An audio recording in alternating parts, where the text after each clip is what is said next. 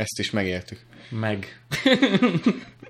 Peti, Földes Péter, Peti, a mai vendég, és az egyik leges legjobb barátom még gimiből. És hogy képzeld el, mi az apropója ugye ennek a talinak, kérdezték már rögtön a podcast elején, hogy lesz majd valami tematikus műsor. És mondom, ú, de jó, hogy megkérdeztétek, mert fönn vagy a halállistámon, ugye?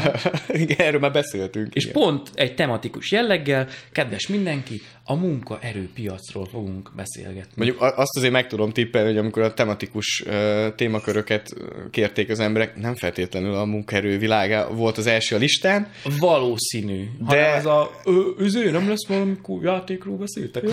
Játékfejlesztés, játék eladás. Oda is van ötletem mindenhova.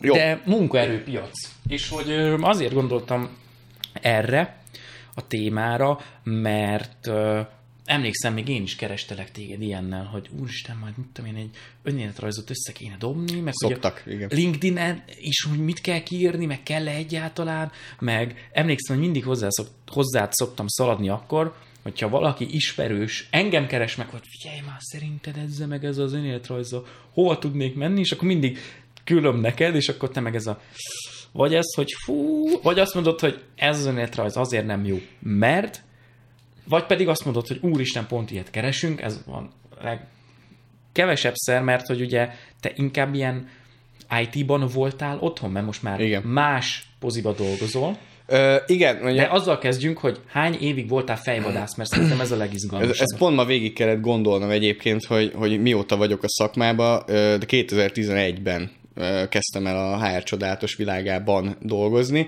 és ugye ez egy elég széles terület, és ennek a toborzás kiválasztás az egy bizonyos része. Most mondanom se kell, hogy amikor én annak idején pályázgattam így állásokra, nekem fogalmam nem volt, hogy mi a különbség ezek között a különböző pozíciók, meg felelősségi körök között. Egy dolgot tudtam, hogy HR-rel akarok foglalkozni, mert éppen azt tanultam Corvinuson, és ez, ez a véletlennek köszönhető igazából, hogy pont egy toborzó ügynökséghez vettek föl, ahol pont véletlenül IT-sokkal kellett elkezdenem dolgozni, informatikusokat toboroztunk. Ugye éveken keresztül, tehát konkrétan én jelöltekkel szerintem ilyen 5 vagy 6 éven keresztül foglalkoztam, Ugye túl, túlnyomó részt informatikusokkal, de aztán bejött a képbe az engineering is, vagy ha sok ilyen angol szót mondok, akkor szóljál csak. Szerintem mondjad, mert Nagyon sok minden angolul, angolul van meg a fejemben, tehát, főleg mostanában egyébként sokszor azokhoz problémát azért akadok meg, mert hogy fordítom fejbe vissza magyarra a dolgokat, amit, amit nem magyarul mondanék. Szóval a lényeg az, hogy, hogy egy olyan 5-6 évet töltöttem jelöltekkel, tehát több száz interjú, személyes interjú, telefonos interjú van a hátam mögött, nagyon sok önéletrajzot láttam, jót, rosszat, és így összegészében véve, amit elmondtál, az valóban mindig így zajlott, hogy különböző helyekről, ismertségi körből jöttek a kérdések, kérések, és a, a, a kedvenc kérdésem az a, illetve kérésem az a, a itt az ismerősöm, találj neki munkát.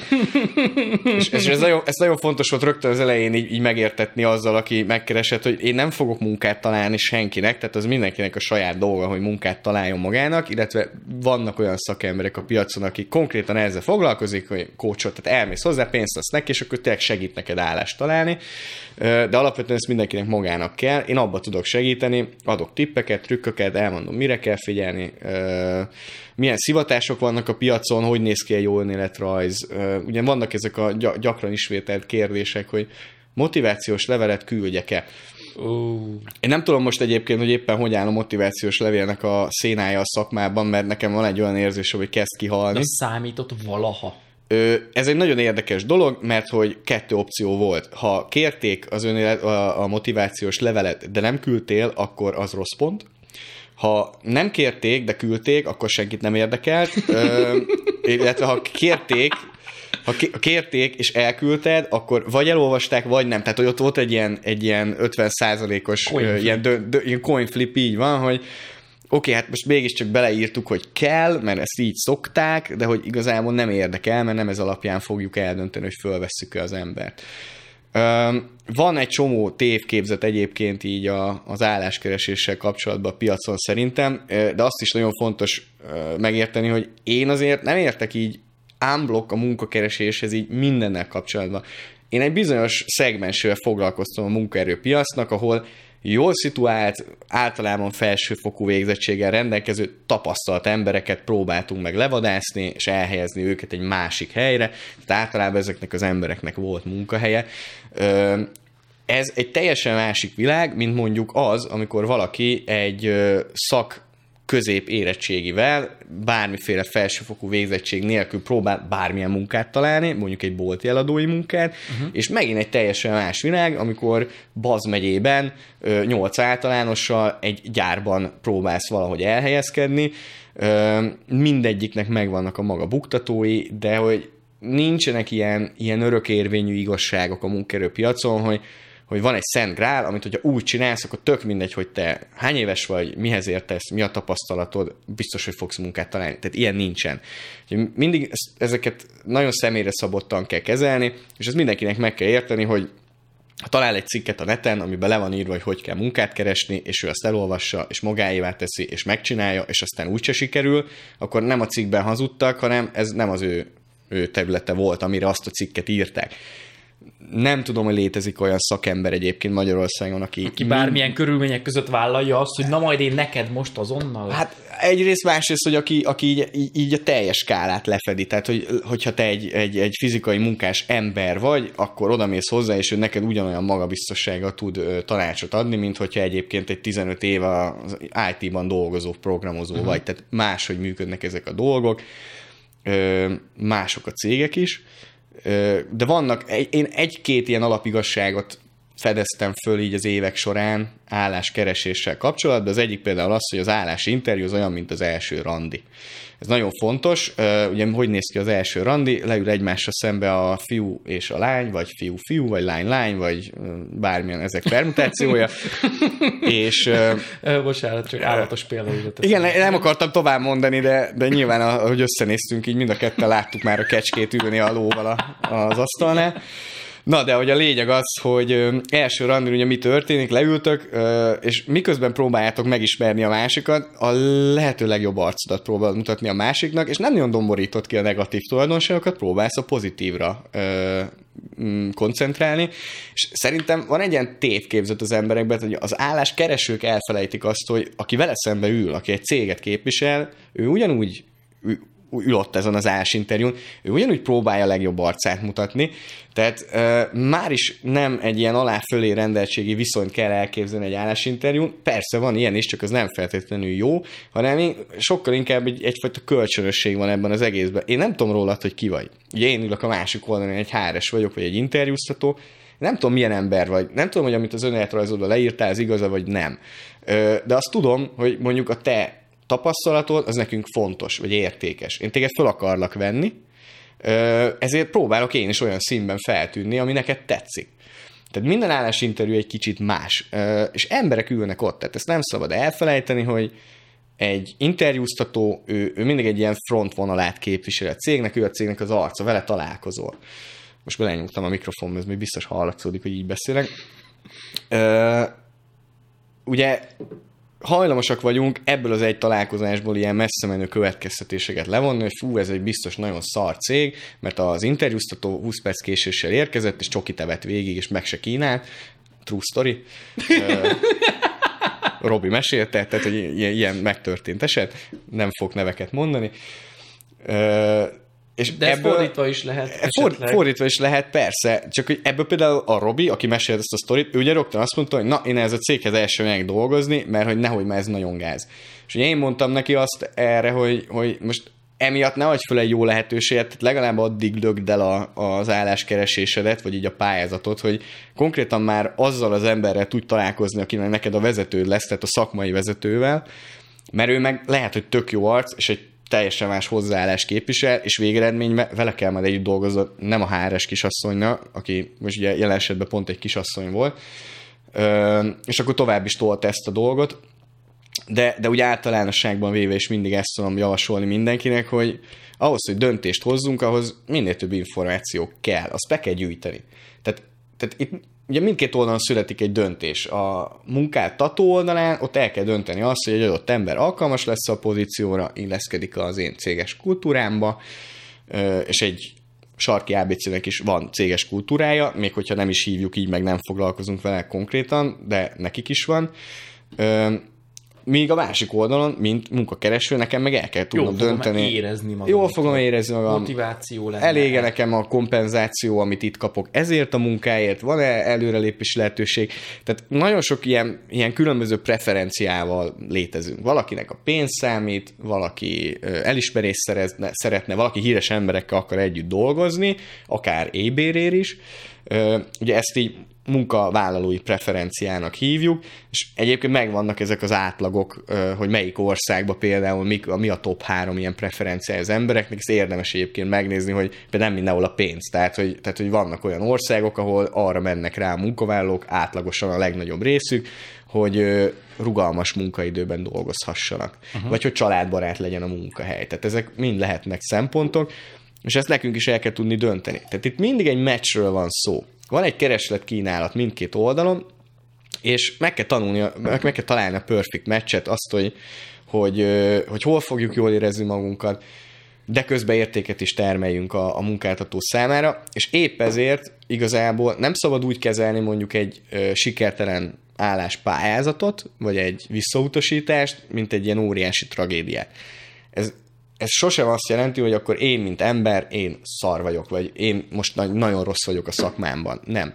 Az csak annyit jelent, hogy annál a cégnél én nem voltam egy jó meccs. Nem passzolok oda. Ezért elutasítottak. Lehet, hogy azért, mert amit ők gondolnak a szakmaiságról, az teljesen más, mint amit én gondolok, és ők már azt a konklúziót vonják le, hogy akkor én nem vagyok egy jó szakember, de ez nem feltétlenül igaz. Ott, amire szükségük lett volna, azt én nem tudom nyújtani.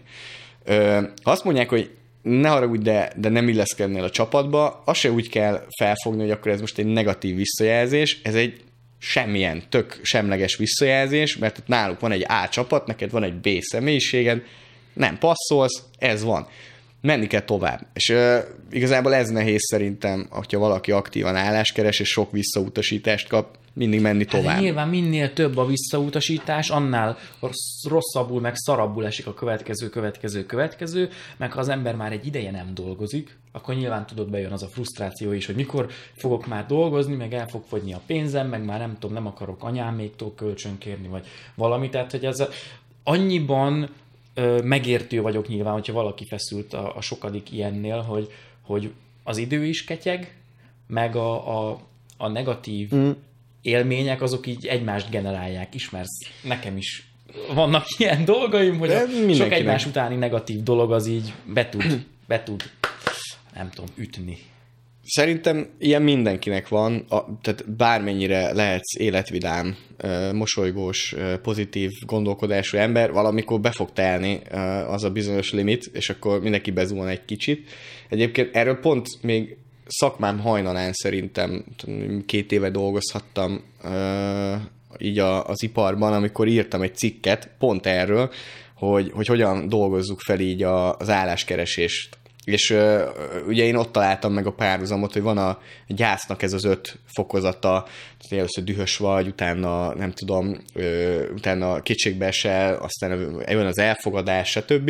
És nem tudom így sorba elmondani, de, de utána lehet ennek nézni, és írtam erre, itt vontam egy párhuzamot, hogy ugyanez az öt ilyen nagyon különböző státusz, meg érzés, az így a munkakeresés közben is megvan az emberben, hogy hogy így először dühös, nem, hogy először így ugye kétségbe vagy esve, hogy visszautasításokat kapsz, utána dühös leszel mindenre és mindenkire. A munkáltatódra, aki kirúgott, arra a munkáltatóra, aki nem vett fel, a HRS-re, aki nem hívott vissza, nem, nem adott visszajelzést, stb. Nem kínált meg csokival. Nem kínált meg csokival. Ö, és van egy ilyen beletörődés fázis is, tehát amikor azt mondod, hogy elfogadom, ez van, én már büdös életben nem kapok munkát, tudom, eladom a vesémet, stb. De egy, ezek komoly dolgok. A, ugye életkortól is nagyban függ, tehát Magyarország pont egy olyan hely, hogy, hogy az életkor az egy ilyen fontos demográfiai tényező, amikor munkát keresel. Ugye 50 fölött nagyjából ö, ilyen Hát ez amikor a maxra állítod a, a Nier automatát, tehát azt kell elképzelni, hogy ugye, ugye videójátékos példát mondjak, ha már itt vagyunk.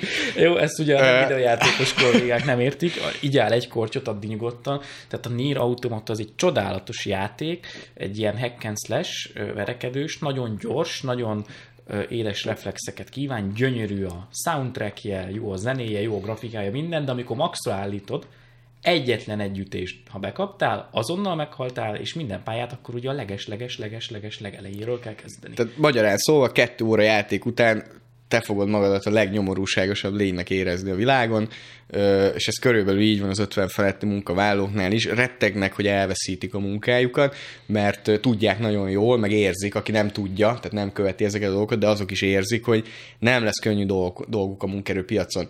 Holott igazából pont ezek az emberek rendelkeznek talán a, a, a leghosszabb távú, meg a, a legnagyobb ö, ilyen tudásbázissal, meg, meg tapasztalattal a piacon, viszont ugye mitől fél a munkavállaló, ez egy nagyon szemét dolog, de attól, hogy majd ezek az emberek előbb-utóbb elmennek nyugdíjba. Aha. Minden munkavállaló, vagy munkáltató igazából, ő, ő neki az az ideális, hogyha fölvesz valakit, és ez a valaki az élete végéig ott dolgozik nála. Most ez azért hülyeség már, hogy ha megnézel bármilyen statisztikát, akkor azt látod, hogy a rendszerváltás előtt ez igaz volt, hogy az emberek így egy munkahelyen élték le az életüket. Év onnan megyek nyugdíjba. Így van, nagymamám is dolgozott 25 évet a, a tüzépen, azóta is kapjuk a tűzifát, tök jó, ilyen életjáradék, mert egy élettel át dolgozott de a rendszerváltás után elkezdett felgyorsulni a piac. Elkezdtünk egyre gyakrabban munkát váltani, hogy színesedett, jöttek be új munkáltatók, szegregálódott a piac, tehát hogy elkezdtek ki földarabolni, darabolódni az ilyen nagy állami konglomerátumok, és most már igazából az van, hogy átlagosan két-három évente munkahelyet váltunk, most is van olyan, aki tíz évig ugyanott dolgozik. Tehát ez, ez nagyon fontos, hogy mindig, hogyha ilyen számokat mondok, az ugye az átlagra vonatkozik, uh-huh. tehát hogyha valaki erre nagyon ügyesen tud mondani egy kivételt, akkor állva tapsolok, de hogy így persze, hogy tudsz, mindig van kivétel. Ö, és mivel két-három évente munkahelyet váltunk, egy 55 éves embert nem fölvenni azért, mert ő 55 éves, és úristen minden nyugdíjba megy, a legostobább dolog, mert ő már biztos, hogy nem fog munkahelyet váltani, tehát ő a 60 nem tudom hány éves korig, ami most a jelenlegi nyugdíj korhatár. Ott ami, szeretne maradni a segély. Ugye exponenciálisan növekszik, Igen. így van.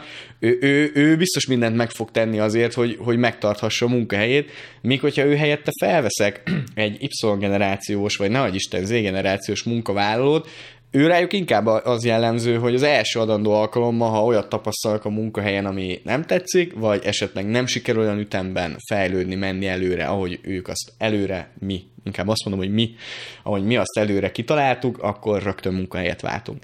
Tehát vannak ilyen, ilyen félre sikerült, régi múlt időből ránk maradt, vagy a régmúltból ránk maradt ilyen, ilyen elrontott hagyományok a piacon szerintem, de nincs ezen mit csodálkozni, mert magam is azt látom, hogy egyszerűen olyan gyorsan fejlődik a piac, és olyan gyorsan változnak a munkakeresési szokások, és a, konkrétan a munkaerő találási szokások és stratégiák, hogy egyszerűen követhetetlen persze vannak cutting cégek, akik mindig ott vannak az élbolyban, és ők éppen mindig úgy toboroznak, ahogy az a legjobb, és vannak azok a munkavállalók, akik ugye mindig mindennek utána mennek, mondjuk azt, hogy tapasztalt munkakeresők, akik tényleg e- ezt így ebbe időt és energiát fektetnek, de ha csak a jelentkezés módját nézzük, 15 év, az azért így nagyon soknak tűnik, 15 évvel ezelőtt volt mennyi is? 2004, ugye? Uh-huh. Tehát akkor már ebbe az évszázadban voltunk, nem volt még Facebook. Tehát ez egy ilyen, úristen, próbálja mindenki elképzelni, hogy volt ilyen idő, és Iviv már volt, azt hiszem. Facebook még például nem volt, és hogyha most jól emlékszem, de majd ezért kövezzem meg bárki, de mint hogyha nekem az az évszámon a fejemben, hogy az első online jobboard, az a Monster volt, ugye mi az az online jobboard? Nem tudom én se. Olyan online hirdetési felület, ami kimondottan munka a járás hirdetéseknek a hirdetésére hozták létre. Tehát egy, igazából egy ilyen hirdető oldal. És az első ilyen az már a 2000-es években született, és ez a Monster volt. A, talán most a világon ők a, a legnagyobb jelenléttel rendelkezett, globálisan a legnagyobb jelenléttel rendelkező nemzetközi board. Ez nem azt jelenti, hogy mindenhol ők a legjobbak, de hogy például tudom én, azt hiszem, ilyen tizenpár európai országban jelen vannak, Észak-Amerikában nagyon erősek, stb. Mi volt előtte? Mert ott jött be az, hogy te már interneten online tudtál Igen. jelentkezni Igen. állásokra. Én emlékszem, hogy újságban volt álláshirdetés, nem? Offline csatornák, újságban bekarikáztad, ott volt egy ö, postai cím, ahova a kézzel írott önéletrajzodat kellett elküldened, ö, írni esetleg még valamilyen motivációs levelet, egy extra dolgokat, vagy, vagy valamilyen ilyen előre elkészíteni egy ilyen próba munkát, és akkor ezt elküldted egy bizonyos címre, a, fölírtad a borítékra a hogy hívták ezt, nem jelszónak hívták, hanem... Jelige, mi? Jelige, így van, fölírtad, hogy álláskeresés, jelige, beküldted a céghez, ott pontosan ilyen ütem, hogy akkor a posta egy ilyen másfél hét alatt autóval, biciklivel, riksával, amivel éppen sikerült folyón át lóháton, lóháton elvitték, ott megkapták, ott kicsit még ültek rajta, egy két-három hétig, kibontogatták, elolvasták, föltették az olvasószöveget, elolvasták. Úristen, hallod, ebbe uh, a tempóba bele sem merek gondolni, pedig ez nem volt annyira régen. Nagyon másik világ volt, és akkoriban is léteztek már fejvadászok. Tehát fej, fejvadászok a szó klasszikus értelmében, azok meg 150-200 évvel ezelőtt kínáltak a Amerikában, a, várták a hajókat, ami jöttek a bevándorlók, és ott onnan vitték őket a gyárba dolgozni. Tehát mondjuk azt, hogy ők is már fejvadászok voltak. Ö, mit jelent ez? Nem várták meg, hogy a munkaerő besétáljon a gyárkapun, hanem kimentek és utána mentek a munkaerőnek, és toboroztak. Toborzás mindig is létezett a szakmában, de pont az internetnek és az online eszközöknek a megjelenésével kezdett el felfokozódni ennek a, a haszna, meg igazából a jelenléte a szakmában. Előtte az volt az álláskeresési szokás, meg az volt a, a, a, igazából a, a toborzásnak a 80 a hogy az újságnak elküldted az álláshirdetésre, kifizetted, amiben ez került, ők ezt megjelentették, és mindenki ott jelentkezett. Volt egy csatorna, amin keresztül befolytak a jelentkezések, és általában ez elég is volt, tehát meg tudtad oldani a problémáidat azzal, hogy hirdettél. Mivel baromi bonyolult volt jelentkezni, ugye most nézzük meg a másik oldalát a történetnek, akkor gondolj bele, mennyi időbe telt, hogyha te meg akartál pályázni öt Fú. állásajánlatot. Öt darab kézzel írott levél, öt darab Így van. izé, címzés, öt darab különböző motivációs levél, ötször feladni, vagyis hát öt különböző helyre feladni, mindegyiknél imádkozni, hogy a posta el is vigye meg, oda is érjen, és az, hogy még megvárod, míg arra egyszer valaki valahogy postán válaszolja, jobb esetben majd hívnak telefonon, de hallod, most olyan időkről beszélünk, amikor így meg kellett beszélni, hogy ekkor és ekkor vagyok itthon, ha csörögne a telefon, Így van. akkor föl tudom venni. Milyen idősávba hívhatsz? Pontosan. Tehát Azt a nagyon lassú világ volt, nagyon megnézte mindenki, hogyha pályázott valahova, vagy hova pályázik, tehát nagyon sok, az álláskeresők is nagyon sok időt és energiát öltek bele abba, hogy az ő pályázatuk az igenis kifog, kifogástalan legyen. Gondolj bele, elkezdtél írni egy levelet kézzel, vagy egy önéletrajzot, egy hibát vétették, kezdted előről. Nem volt autokorrekt sem.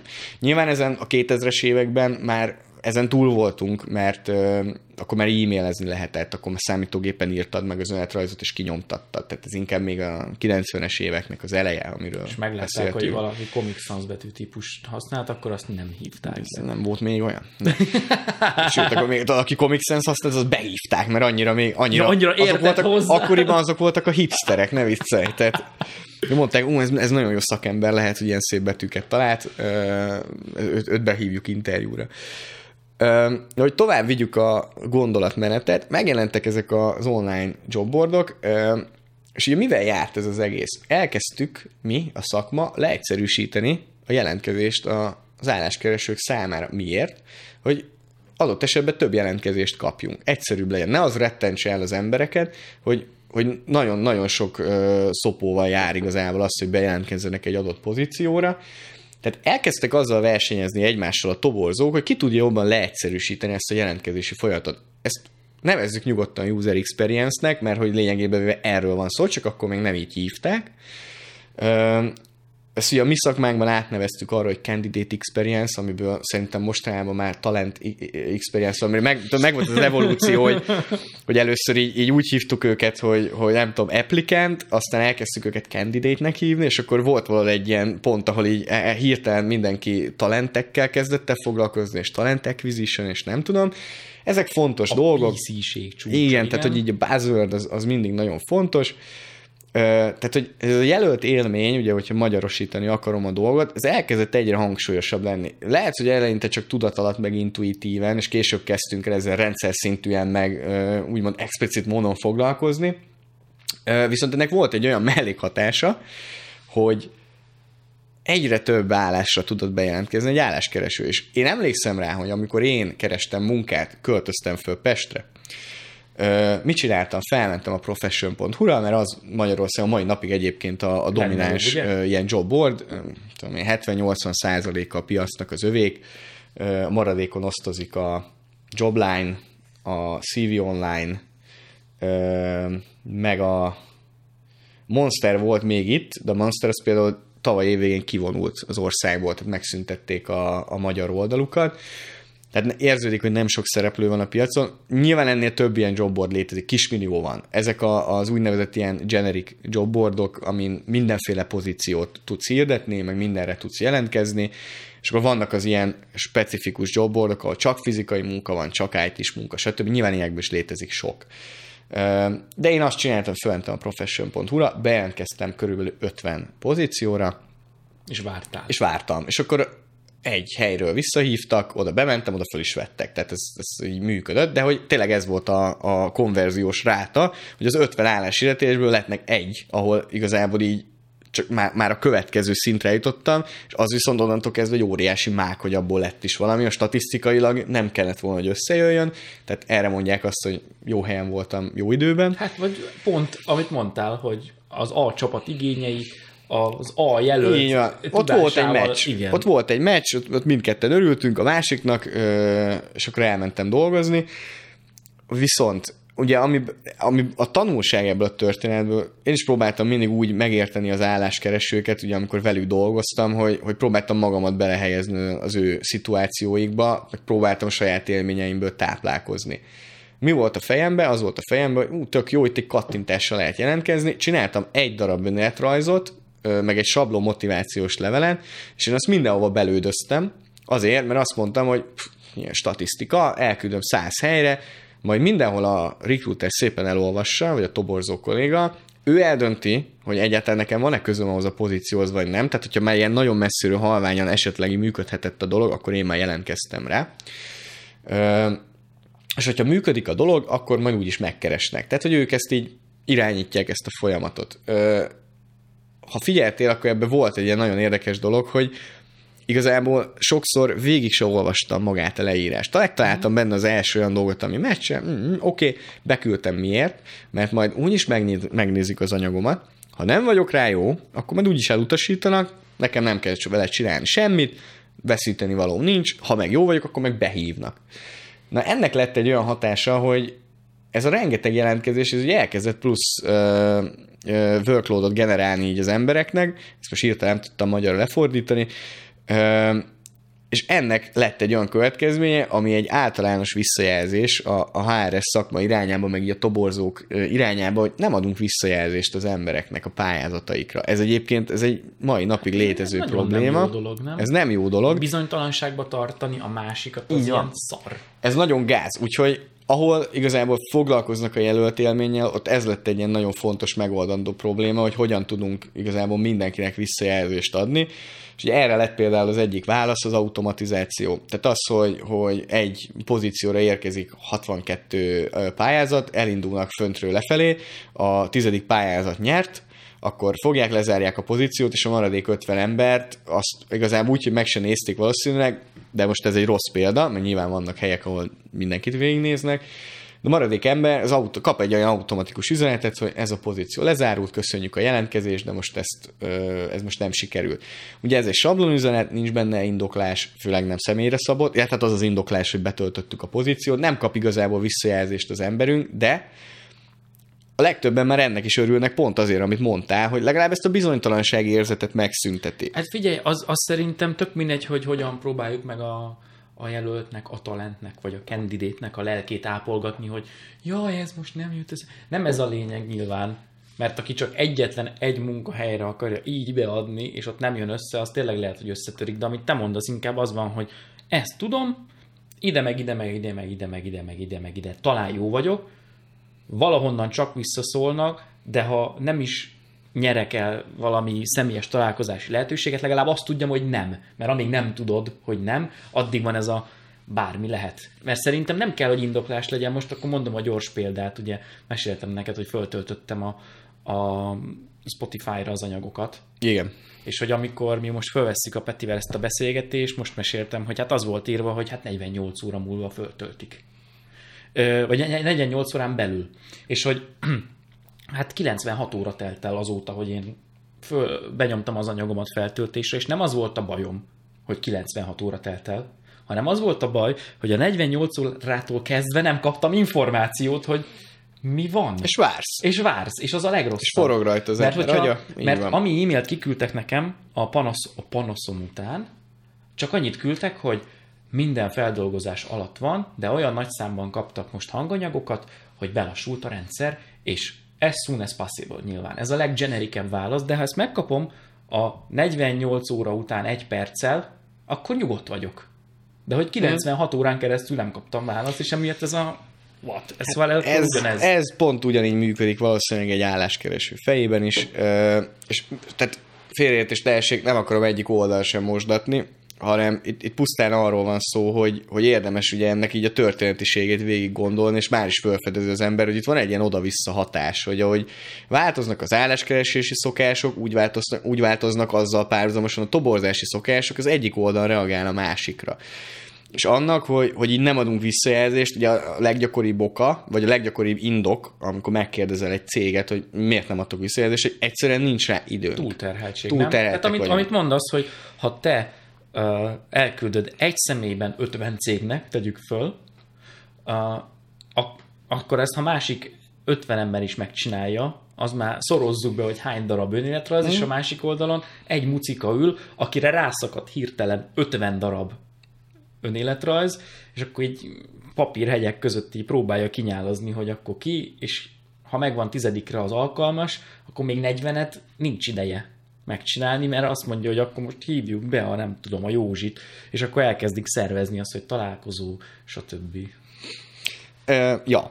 Uh, kicsit, kicsit elkalandoztam közben, most ne haragudj, mert hogy közben máson gondolkoztam már. Kizökkentettelek? Ö, nem, nem, nem, nem is az, hogy kizökkentem, hanem, hanem pont át akartam lapozni a másik oldalra, hogy, hogy, hogy beszéltünk erről, mit gondol az álláskereső, hogy ugye ő azt gondolja ilyenkor, hogy majd ő neki elolvassák szépen a pályázatát, eldönti valaki helyette, hogy ő neki most ez egy jó meccs a pozícióra, vagy sem, és majd megkeresik. És a másik oldalon azt látom a, a toborzóknál, hogy ugyanezt gondoljuk mi is. Csak fordítva, hogy én kirakom az állást a netre, és én elvárom azt a munkavállalótól, hogy ő ától olvassa végig a leírásomat, döntse el, hogy ő egyébként alkalmas erre a pozícióra, vagy ne, és csak akkor jelentkezzen, Igen. hogyha alkalmas, és lehetőleg, ugye most már próbálunk mindent automatizálni, tehát lehetőleg akkor így, így töltsön ki egy nyelvi tesztet, hogy azt se nekem kelljen tesztelni, és egyébként csináljon meg valami numerikus tesztet, stb. Tehát derüljenek ki így a dolgok, és és én akkor, akkor lépek be a folyamatban, akkor kezdek el vele foglalkozni, amikor már így nagyon sok időt meg energiát beleölt a munkavállaló. A probléma az, hogyha mindkét oldalon az arra várunk, hogy majd a másik csinál valamit, meg ebbe gondolkodunk, hogy oké, ez nem az én dolgom, hanem ez a másiknak a dolga, Na ebből születnek az ilyen félértések, hogy nem kapunk visszajelzést, bejelentkezünk pozíciókra, amikhez semmi közünk nincsen, a cégeknél kiposztolnak egy pozíciót, aztán nagyon búsulnak rajta két hónap múlva, hogy nem volt jelentkező, most mi lesz, adjuk egy felvadás cégnek, fizessünk rá nagyon sok pénzt, jó, jó ötlet, az mindig megold mindent, holott meg nem biztos, hogy ez oldja meg. Utána kell mind a két oldalnak menni. Az álláskeresés az ez nem oldja meg magát. Abba időt kell tenni, energiát kell tenni. Mondok egy másik érdekes példát, ez pont az Ági mesélte nekem. Mennyasszonyom. Mennyasszonyom, aki nem tudná, hogy ő, ő vezető beosztásban dolgozik egyébként, pont véletlenül egy játékfejlesztő cégnél, nem is értem, hogy találkoztunk. Egyébként viccet félretéve kapcsolódik a témához, hogy Ágnes asszonya úgy találkoztunk, értünk be először, hogy jelöltem volt, tehát én helyeztem el az egyik ilyen... Te fejvadáztad le. Így van, le fejvadáztam. Uh, ami nem teljesen... Jobban sikerült. Most. Ha maradt, tudod, ez a... eljött interjúra, azt most már együtt élünk. Lényeg a lényegben, hogy, hogy pont most mesélte, vagy kérdezte igazából, keres felvétel van náluk, és nyilván ezek nagyon ilyen, ilyen ritka emberek, akiket ők keresnek, játékfejlesztők, Nagyon. ö, 3D-sek, rig, riggesek, azt nem is tudom, hogy tudod hogy mit Én jelent. tudom. Okay. Jó, aki hallgatja, nem, tehát aki bemozgat. Aki, nem, hát a, a, a, rig, a rigges, meg aki a rigget rakja a modellbe, az igazából a csontvázat Csontvá, hát rakja úgy be. értve bemozgat, hogy De a... már nem ő mozgat be, hanem azt már az animátor csinálja. Ja. Tehát azért mondom, hogy az egy külön, tehát az olyan, mint a fókusz puller. Tehát Ja, ezt, jó. ugye, ugye sokan nem tudják, hogy arra van külön egy ember, aki a fókusz húzza a kamerán, így a profi szetteken, igen. Igen, azt a kamerát. Az. Lényeg, hogy Nagyon specifikus ember nagyon, keresnek. nagyon specifikus embereket keresnek, és hát nyilván hirdetnek az interneten. És valaki ö, megtalálta az egyik ásher hirdetést, és utána még azt is megtette, hogy utána nézett a cégnek LinkedIn-en, ugye LinkedIn az egy nagyon ö, fontos platformja így az álláskeresésnek, meg ugye a munkahelyi mm, kapcsolatok létesítésének.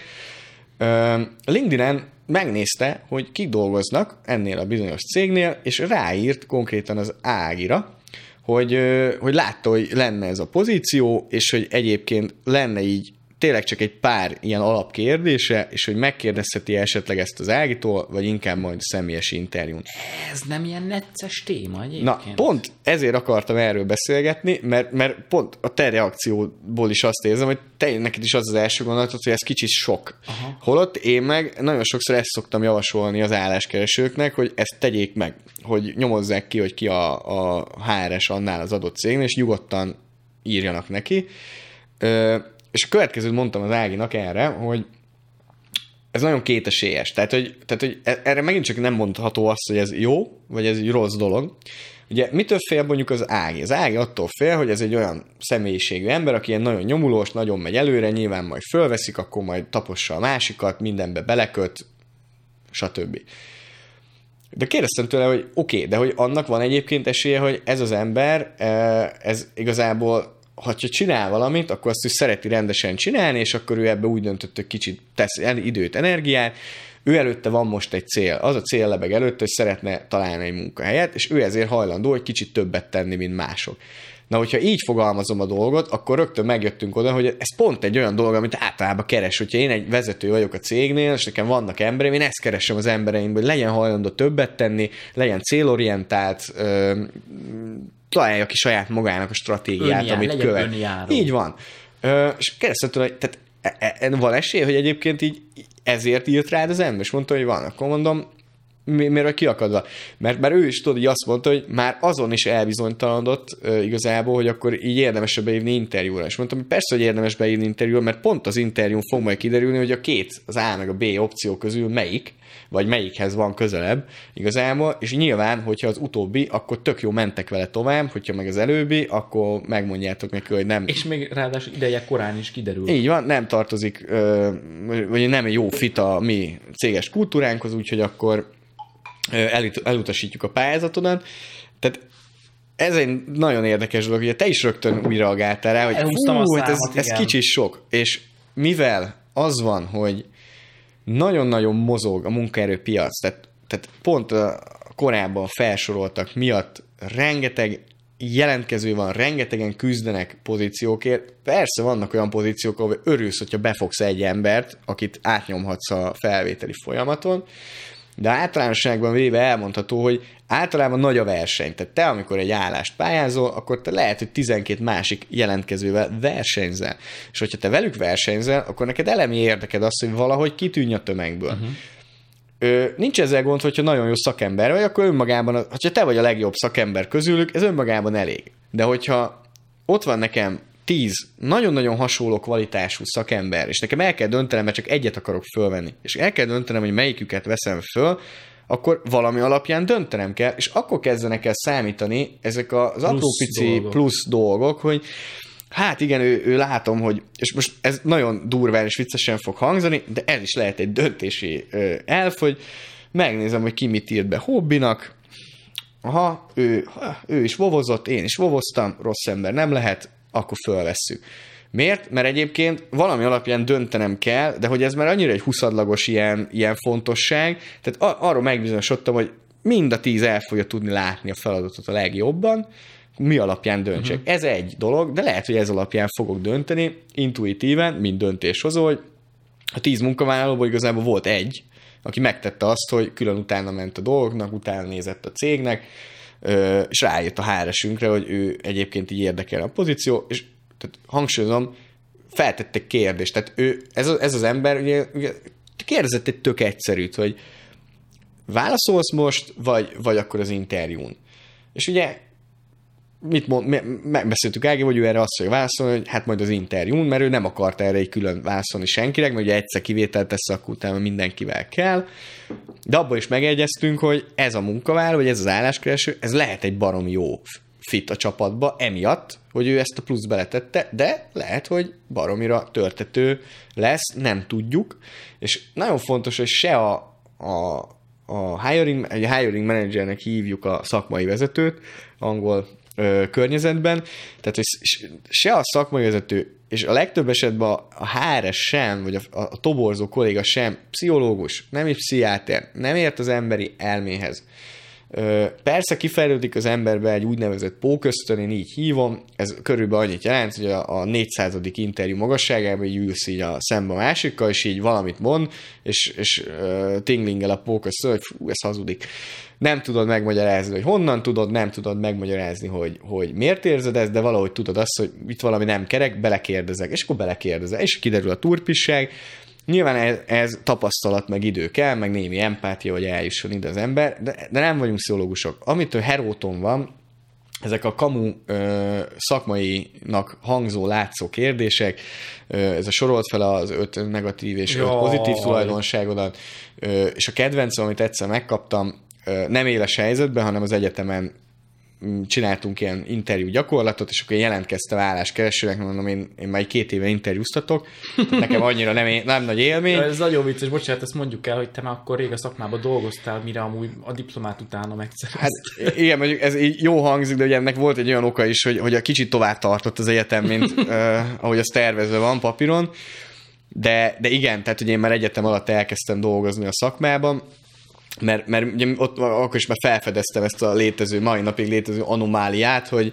hogy a, a pályakezdőket keresünk két év tapasztalattal című csodálatos oximoron, ez, ez a mind a mai napig megtalálható, hogy a szakmában, hál' Isten kezd egyébként kihalni, de pont abban az időszakban ez ilyen nagyon, nagyon gyakori volt, hogy meg a, a, a másik kedvencük az inkább már ilyen belsős ilyen IT-s poén volt a, a, mit tudom én, most mondok valamit, hogy uh, G2E fejlesztőt keresünk, G2E 2.5 fejlesztőt keresünk, 10 év szakmai tapasztalata ebbe a technológiába, és akkor az a technológia az négy éve volt a piacon. Tehát, de, de ők bekérték a 10 év tapasztalatot. És ugye ilyen so, sok esetben, mivel mi egy ilyen közbűs cég voltunk, tehát mi visszamentünk a munkáltatóhoz, és szóltunk, hogy elnézést, de hogy átírnánk, mert, mert hogy ez így nettó hülyeség, és hogy azon kívül lesz egy-két nagyon vidám perce az álláskeresőknek, hogy sok jelentkezés nem lesz.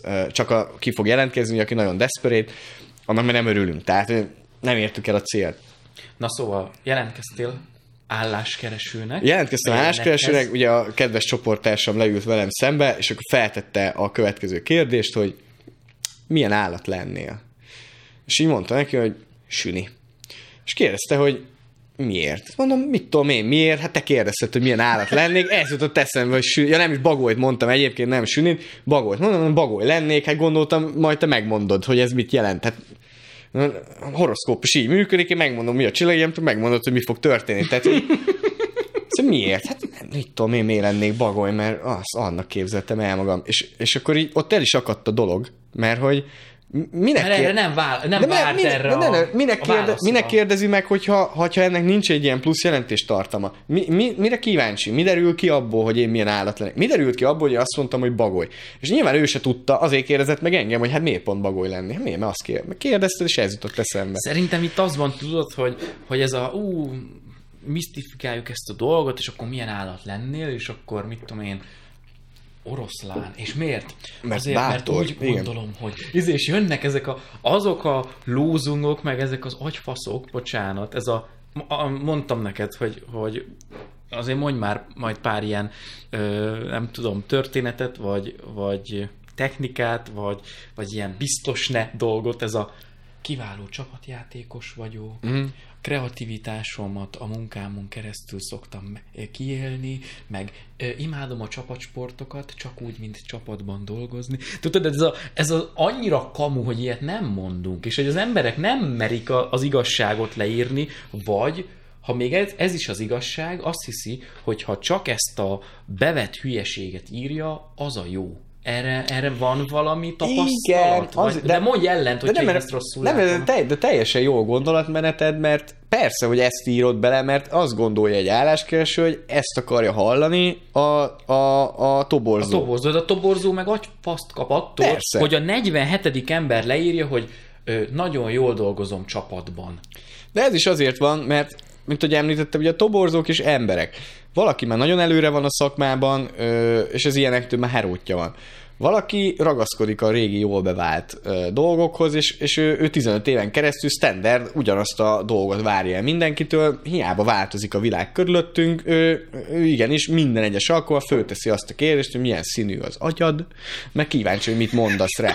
Tehát, hogy ö, ez is egyébként ez is, ez megtörtént, mert nem is tudom, hogy ki mesélte, hogy, hogy neki ez volt így a leg, leg ö, extrémebb ilyen interjú kérdés, amit Milyen valaha kapott. színű Igen, hogy agyad? milyen színű az agyad szerinted. És akkor így mit mondasz rá? Akkor kreatív vagy, akkor azt mondod, hogy kék, mert nem számít, tehát hogy így nem, nem lehet tudni, hogy itt mi volt megint csak a cél. Ny- Nyilván egyébként, de léteznek olyan interjú technikák, most nem, meg nem fogom mondani a nevét, majd biztos megkapom, olyan paraszt nem készültem, de létezik olyan interjú technika, aminek pont van egy ilyen eleme, hogy, hogy kizök, ki akar zökkenteni téged a komfortzónádból, mert azt akarják lemérni például, hogy stressz helyzetben hogyan reagálsz. Ö, ehhez nagyon tapasztalatnak kell lenni, például, hogy ilyen interjú technikát alkalmazom valaki, mert, mert el tud sülni durván.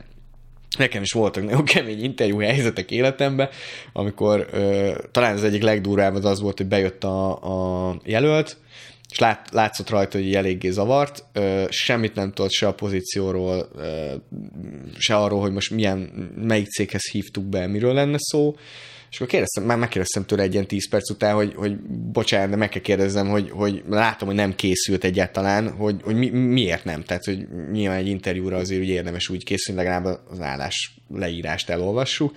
És mondta, hogy hát, hogy nagyon rösteni, meg ez nem jellemző rá, de az történt, hogy az ő felesége ö, pszichológus, és hogy kísérletezett egy ilyen újfajta ö, hipnózis technikával saját magán, és ez olyan jó sikerült, hogy eltűnt az asszony két napra, és hogy most két órával ezelőtt találták meg a rendőrök a Duna parton Halloweenbe az asszonyt, és akkor kellett menni érte a rendőrségre, meg hazavinni, és hogy ilyen, és hogy így, így, így, így ö, tehát ilyen idegösszeomlást csinált magának a, a felesége, te meg ott ülsz, ö, 20 éves feje a 40-50 körüli munka, munkavállalóval szembe, a lead egy ilyen sztorit, mit tudtam csinálni, mondta neki, hogy semmi gond, akkor szerintem ez most így vegyük úgy, hogy nem alkalmas az időpont, újra szervezzük, tehát ez nem döntöttünk semmit, menjen el, szépen pihenje ki magát, szedje össze magát, és akkor majd jövő héten beszélünk, egyeztetünk egy új időpontot.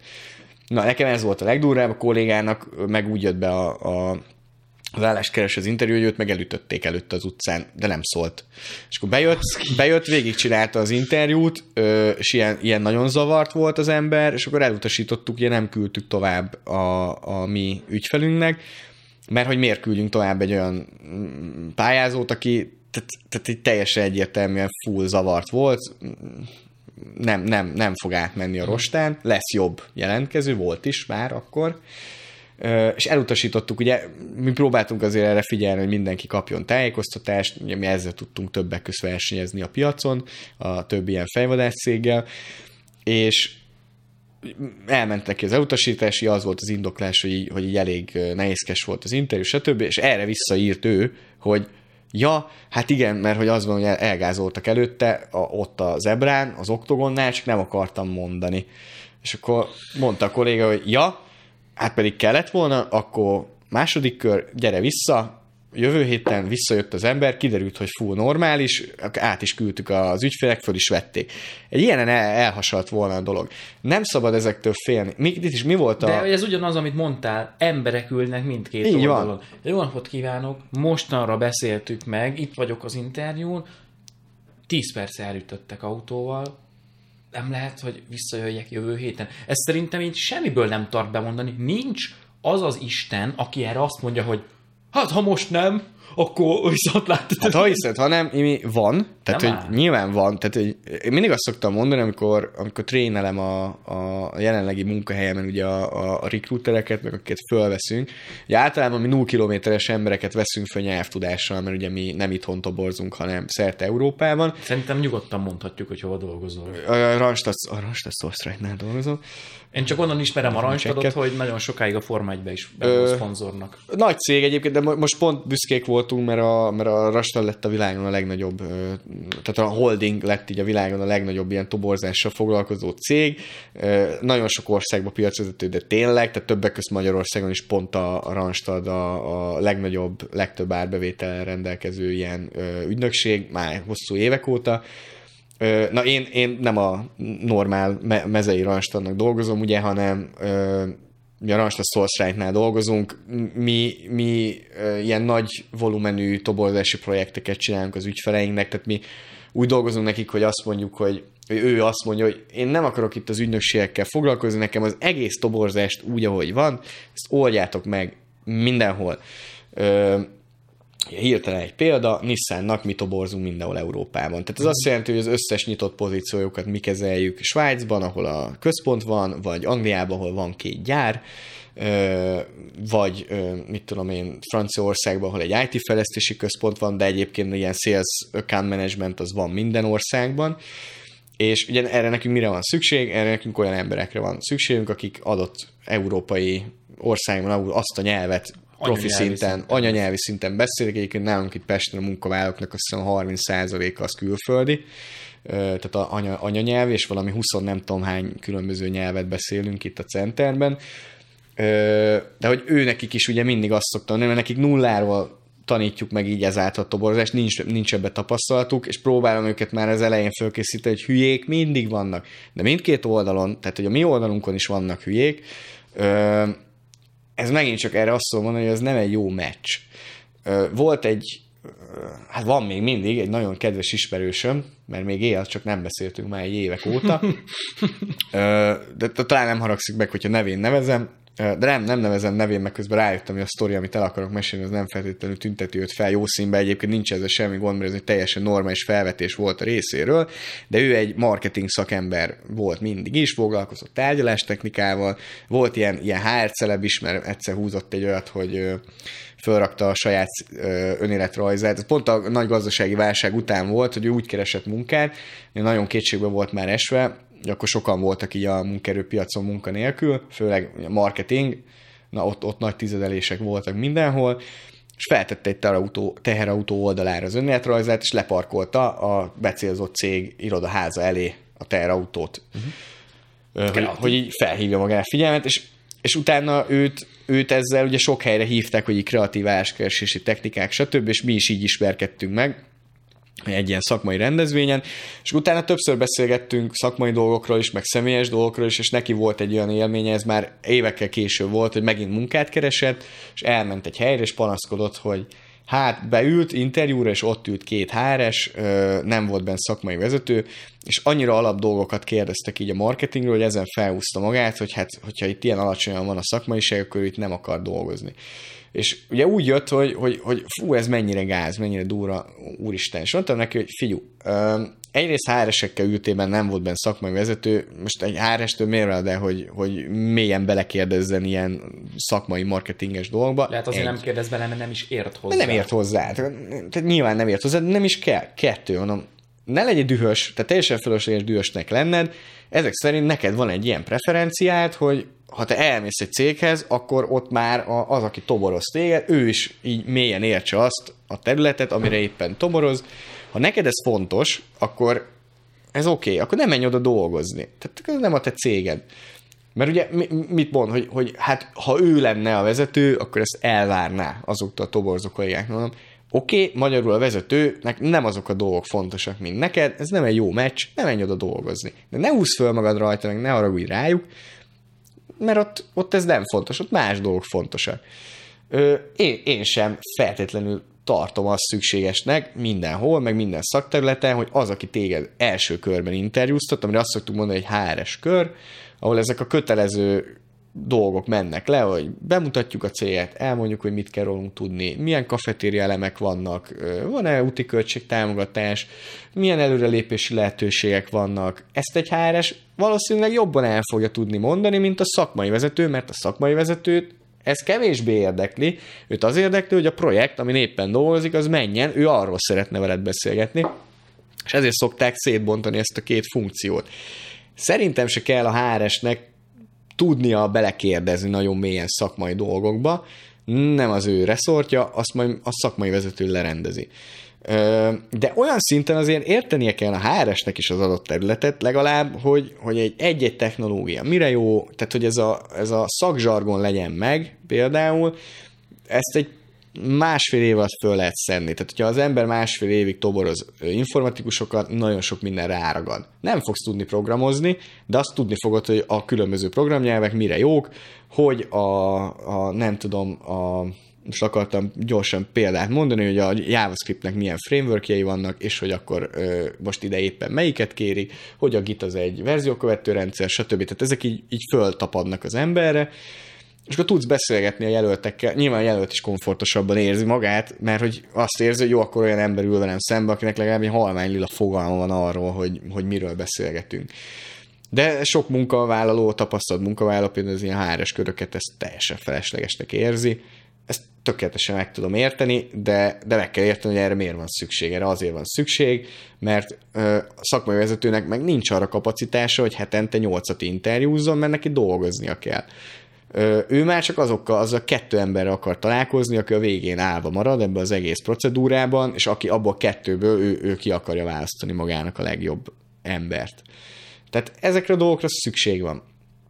Másik ilyen nagyon megosztó történet a szakmában az a videóinterjú volt, és egyébként erről azért érdemes beszélni, mert valószínűleg egyre elterjedtebb lesz. Mm. Az, hogy beküldök magamról egy hello, szia, ez vagyok, ez vagyok? Nem, hanem ezt körülbelül úgy képzeld el, hogy, hogy rákattintasz arra, hogy jelentkezel egy állásra, és a következő kör az nem egy emberrel történik, hanem le kell ülnöd otthon a kamera elé, tehát így webkamera, vagy a telefonodat így magad elé tartod, bemész egy rendszerbe, ahol most vagy az van, hogy írásbeli kérdések jelennek meg előtted a képernyőn, vagy egy felvett, ott ül egy recruiter, és egy felvett kérdést feltesz, és neked arra válaszolni kell, ezt fel kell venni, és ezt a rendszer rögzíti. Uh-huh. Ez miért jó? Ö, megvannak az előnyei és a hátrányai. Ezt azért szeretem ezt a témát felhozni, mert ö, ugye erről nagyon súlyos viták voltak ilyen szakmai körökben, hogy most ez jó, vagy nem jó. És én mindig így ámultam, bámultam az ilyen, amikor végigolvastam a 142 kommentet az x Facebook poszt alatt, hogy, hogy jöttek, akik érveltek, hogy hát ez baromi jó, mert nálunk egy csomó ö, ö, időt megspórolt, ö, akkor nézem meg a videófelvételt, amikor éppen idő engedi, tehát nem kell külön összeszervezni még akkor ezt az emberrel, nem kell telefonon kergetni a másikat, ő beküldi, én megnézem, amikor van rá időm, eleve már csak azt küldöm tovább, aki, á, aki megfelel bizonyos kritériumoknak, és ez egy, ez egy előszűrési kör, ezt így hívjuk. Mire jó? Arra, hogy van 150 állás, vagy jelentkező, és ne, ne, nem akarod mind a 150-et leinterjúztatni, akkor csinálsz egy ilyen videóinterjú kört, és ott már az egy plusz rosta, ott akkor ki tudsz szűrni embereket. Majd jött a másik oldal, hogy fú, nagyon gáz volt, mi megpróbáltuk használni, kiborultak rajta az áskeresők, hogy mennyire személytelen ez az egész. Pénzügyi vezetőkkel csináltuk ezt meg, egy ilyen középvezetői állásra volt, aki emiatt visszavonta a jelentkezését, több panasz Megalázó, Megalázó videó volt. Videó jelentkezzen, így van. Izé. És, és így érvelgettek az emberek, hogy tehát akkor jó, tehát akkor rossz, tehát jó, tehát rossz. És én meg azon gondolkoztam, hogy az, az, az itt a helyes kérdés, hogy mikor jó, és mikor rossz. Nem lehet egy ilyen eszközről így egyértelműen azt állítani, hogy ez mindig jó, vagy mindig rossz, ez nem is igaz. De ott volt a kutya elásva, hogy a, az E-generációs munkavállalók, meg az Y-nak ugye az alja, már itt az alja az nem pejoratív értelemben, hanem hogy a korhatárnak az alja, tehát hogy a fiatalabb fele az Y. Na, jönnek majd a kommentek. Fú, mit kapok.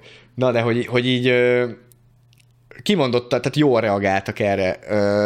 miért? Persze, mert ott a telefon, ott a, telefon a, kezükben. Nem, nem, nem életidegen az, hogy egy kamerába, egy telefonog a kamerájába beszéljek, hogy magamról mondjak dolgokat. Nyilván egy középkorú, középvezetői pozíciót pályázó, ráadásul pénzügyi pozíciót pályázó ember, aki egész életében bankba dolgozott öltő nyakkendőbe, és egyébként, tehát így van otthon internet, de csak hétvégén van bekapcsolva a modem, és És a cikket is kinyomtatja, mielőtt így van, mert, mert nem szeretek monitoron olvasni, tehát nyilván egy ilyen álláskereső, az ki fog rajta borulni, mert nem ehhez van hozzászokva, mert ő életében volt három olyan életszituációban, neki munkát kellett keresnie, és a, a, lehet, hogy utoljára az hat éve ezelőtt volt, hat éve, híre nem volt ennek. Nyilván létezett maga a technológia, csak nem volt még egyáltalán elterjedt. Ö, tehát persze, hogy kiborul rajta. Tehát nem lehet mindenhol használni, de egyre többet fogunk vele találkozni, és ez megint miért? Ez megint egy reakció. Ugye amikor meghirdetek egy, egy entry level, tehát egy pálya kezdő pozíciót az én cégemnél, arra baromi sok jelentkezést fogok kapni, nagyon sok pályakezdő van, nagyon kevés a szűrési feltétel. Ugye, hogyha én, én egy tapasztalt embert keresek. Tehát ha azt mondom, hogy nekem tényleg egy olyan emberre van szükségem, aki egy célgép. Tehát egy célgépet keresek, van nekem egy projektem, onnan kiesett egy ember, őt kell helyettesítenem, van egy, egy kilométerre hosszú lista, hogy mihez kell értsen, milyen technológiákhoz, mivel kellett már dolgozzon, ahhoz, hogy ezt a munkát el tudja látni. Hát ez tök jó arra, hogy szűrni lehessen ez alapján. Nem fog rá bejelentkezni eleve 200 ember a hirdetése, csak 5, és abból az 5-ből is nagyon egyszerű lesz kiszűrni, hogy ki az az egy, aki jó, mert hogy így végigmész ezen a checklisten. A pályakezdő pozíciónál az a gond, hogy mik az elvárások. Nézd meg egy hirdetést. Legyen felsőfokú végzettség, legyen nagyon jó Pipa. csapatjátékos, Pipa. de önállóan is tudja. Pipa. Na, és, és akkor írod is bele a sok hülyeséget a, Igen. az önéletrajzodba rögtön. Tehát, hogy kevés ez a, ez a szűrési szempont, tehát itt teljesen indokolt az, hogy valahogy be kell iktatni ilyen plusz automatizált, és itt van a kurszó, automatizált szűrési pontokat a folyamatban, a teljes folyamatban, meg különben elveszünk, Nin- nincs az, tehát fel kell venni, olyan, olyan iszonyatos kapacitást kell felvenni a toborzás címszó alatt, hogy egyszerűen nem éri meg, tehát nem, nem tudja kifizetni a cég, nem éri meg annyi erőforrást áldozni erre, helyette megveszünk egy ilyen videószoftvert, aminek esetleg van egy havi valamilyen business modell, hogy havonta fizetünk érte, nyilván töredékét annak, ami egy munkavállalónak a költsége, és akkor tök jó, mert bizonyos pozícióknál ezt tudom automatizálni, ezt az előszűrést. Tehát ez, ez, erről például sok vita volt, tehát ez egy érdekes téma, még így álláskeresés kapcsán. Annyit mondjál nekem, hogy, hogy ha valaki állást keres, akkor mennyire kell szektortól függetlenül, tehát egy úgy szektortól függetlenül, hogy mondjuk tehát valaki diplomás, felsőfokú végzettségen rendelkező emberke keres állást, mondjuk a LinkedIn profilja az mennyire legyen rendben, vagy legyen-e egyáltalán muszáj hogy egy, egy marketingesnek ugyanúgy legyen, mint egy gépészmérnöknek, vagy mint egy vegyészmérnöknek, vagy mint egy, nem tudom, orvosnak. Ö, a LinkedIn az most már szinte kötelező egyébként, de most ez, ez megint olyan, hogy a, a, a fizikai munkások nincsenek fönt LinkedIn-en. Tudom. Ö, nem azért, mert nem használnak internetet, mert használnak internetet, hanem mert az a közeg, ami őket érinti, az, az sincs fönt LinkedIn. Tehát, hogy aki fizikai munkaerőt toboroz, az se LinkedIn-en toboroz fizikai munkaerőt. Tehát ez megint ilyen kereslet kínál. dolog így alakult. Ugye eleve a, a LinkedIn user penetration, ezt így hívják szépen, tehát az is, az is ugye ingadozik a különböző országokban. Ez, ez azt jelenti, hogy, hogy a, az adott munkaképes populációnak hány százaléka van fölregisztrálva LinkedInre egy ország. Most Magyarország az egy körülbelül középkategória, azt hiszem Európában, talán Hollandiában, meg, meg az Egyesült Királyságban legmagasabb ez a user penetration ráta, de, de az Egyesült Királyságban például tényleg ott a szakácsok is föl tehát a szakmunkások is fent vannak. Wow. A, a fizikai munkaerő ugyanúgy nincs fenn, de a szakmunkások már fenn vannak. Uh-huh. Magyarországon ez nem jellemző. A szexmunkások is fent szoktak lenni, egyébként azt találtunk, véletlenül persze nem, nem kerestük eskü. A kolléga átküldte, nem, nem tudom, én próbáltam kilépni, de... Ki ajánlotta csak? Próbáltam bezárni, de tudod, kinyílt még három, nem, nem tudtuk. Uh, mit évők legyünk. Hát, megnéztük. De figyelj, meg Profilképet kellett is. jegyezni, hogy ha majd ilyen ö, kérés érkezik a megrendelő felől, akkor... Így van, tehát vár, mi vártuk mindig, hogy, hogy pont pornószínésznőt kelljen keresni, de valahogy soha nem azt kerestek a izé, multinacionális vállalatoknál, vagy legalábbis nem rajtunk keresztül. De mindegy. Ö, a- a- erre más ügynökségek specializálódtak.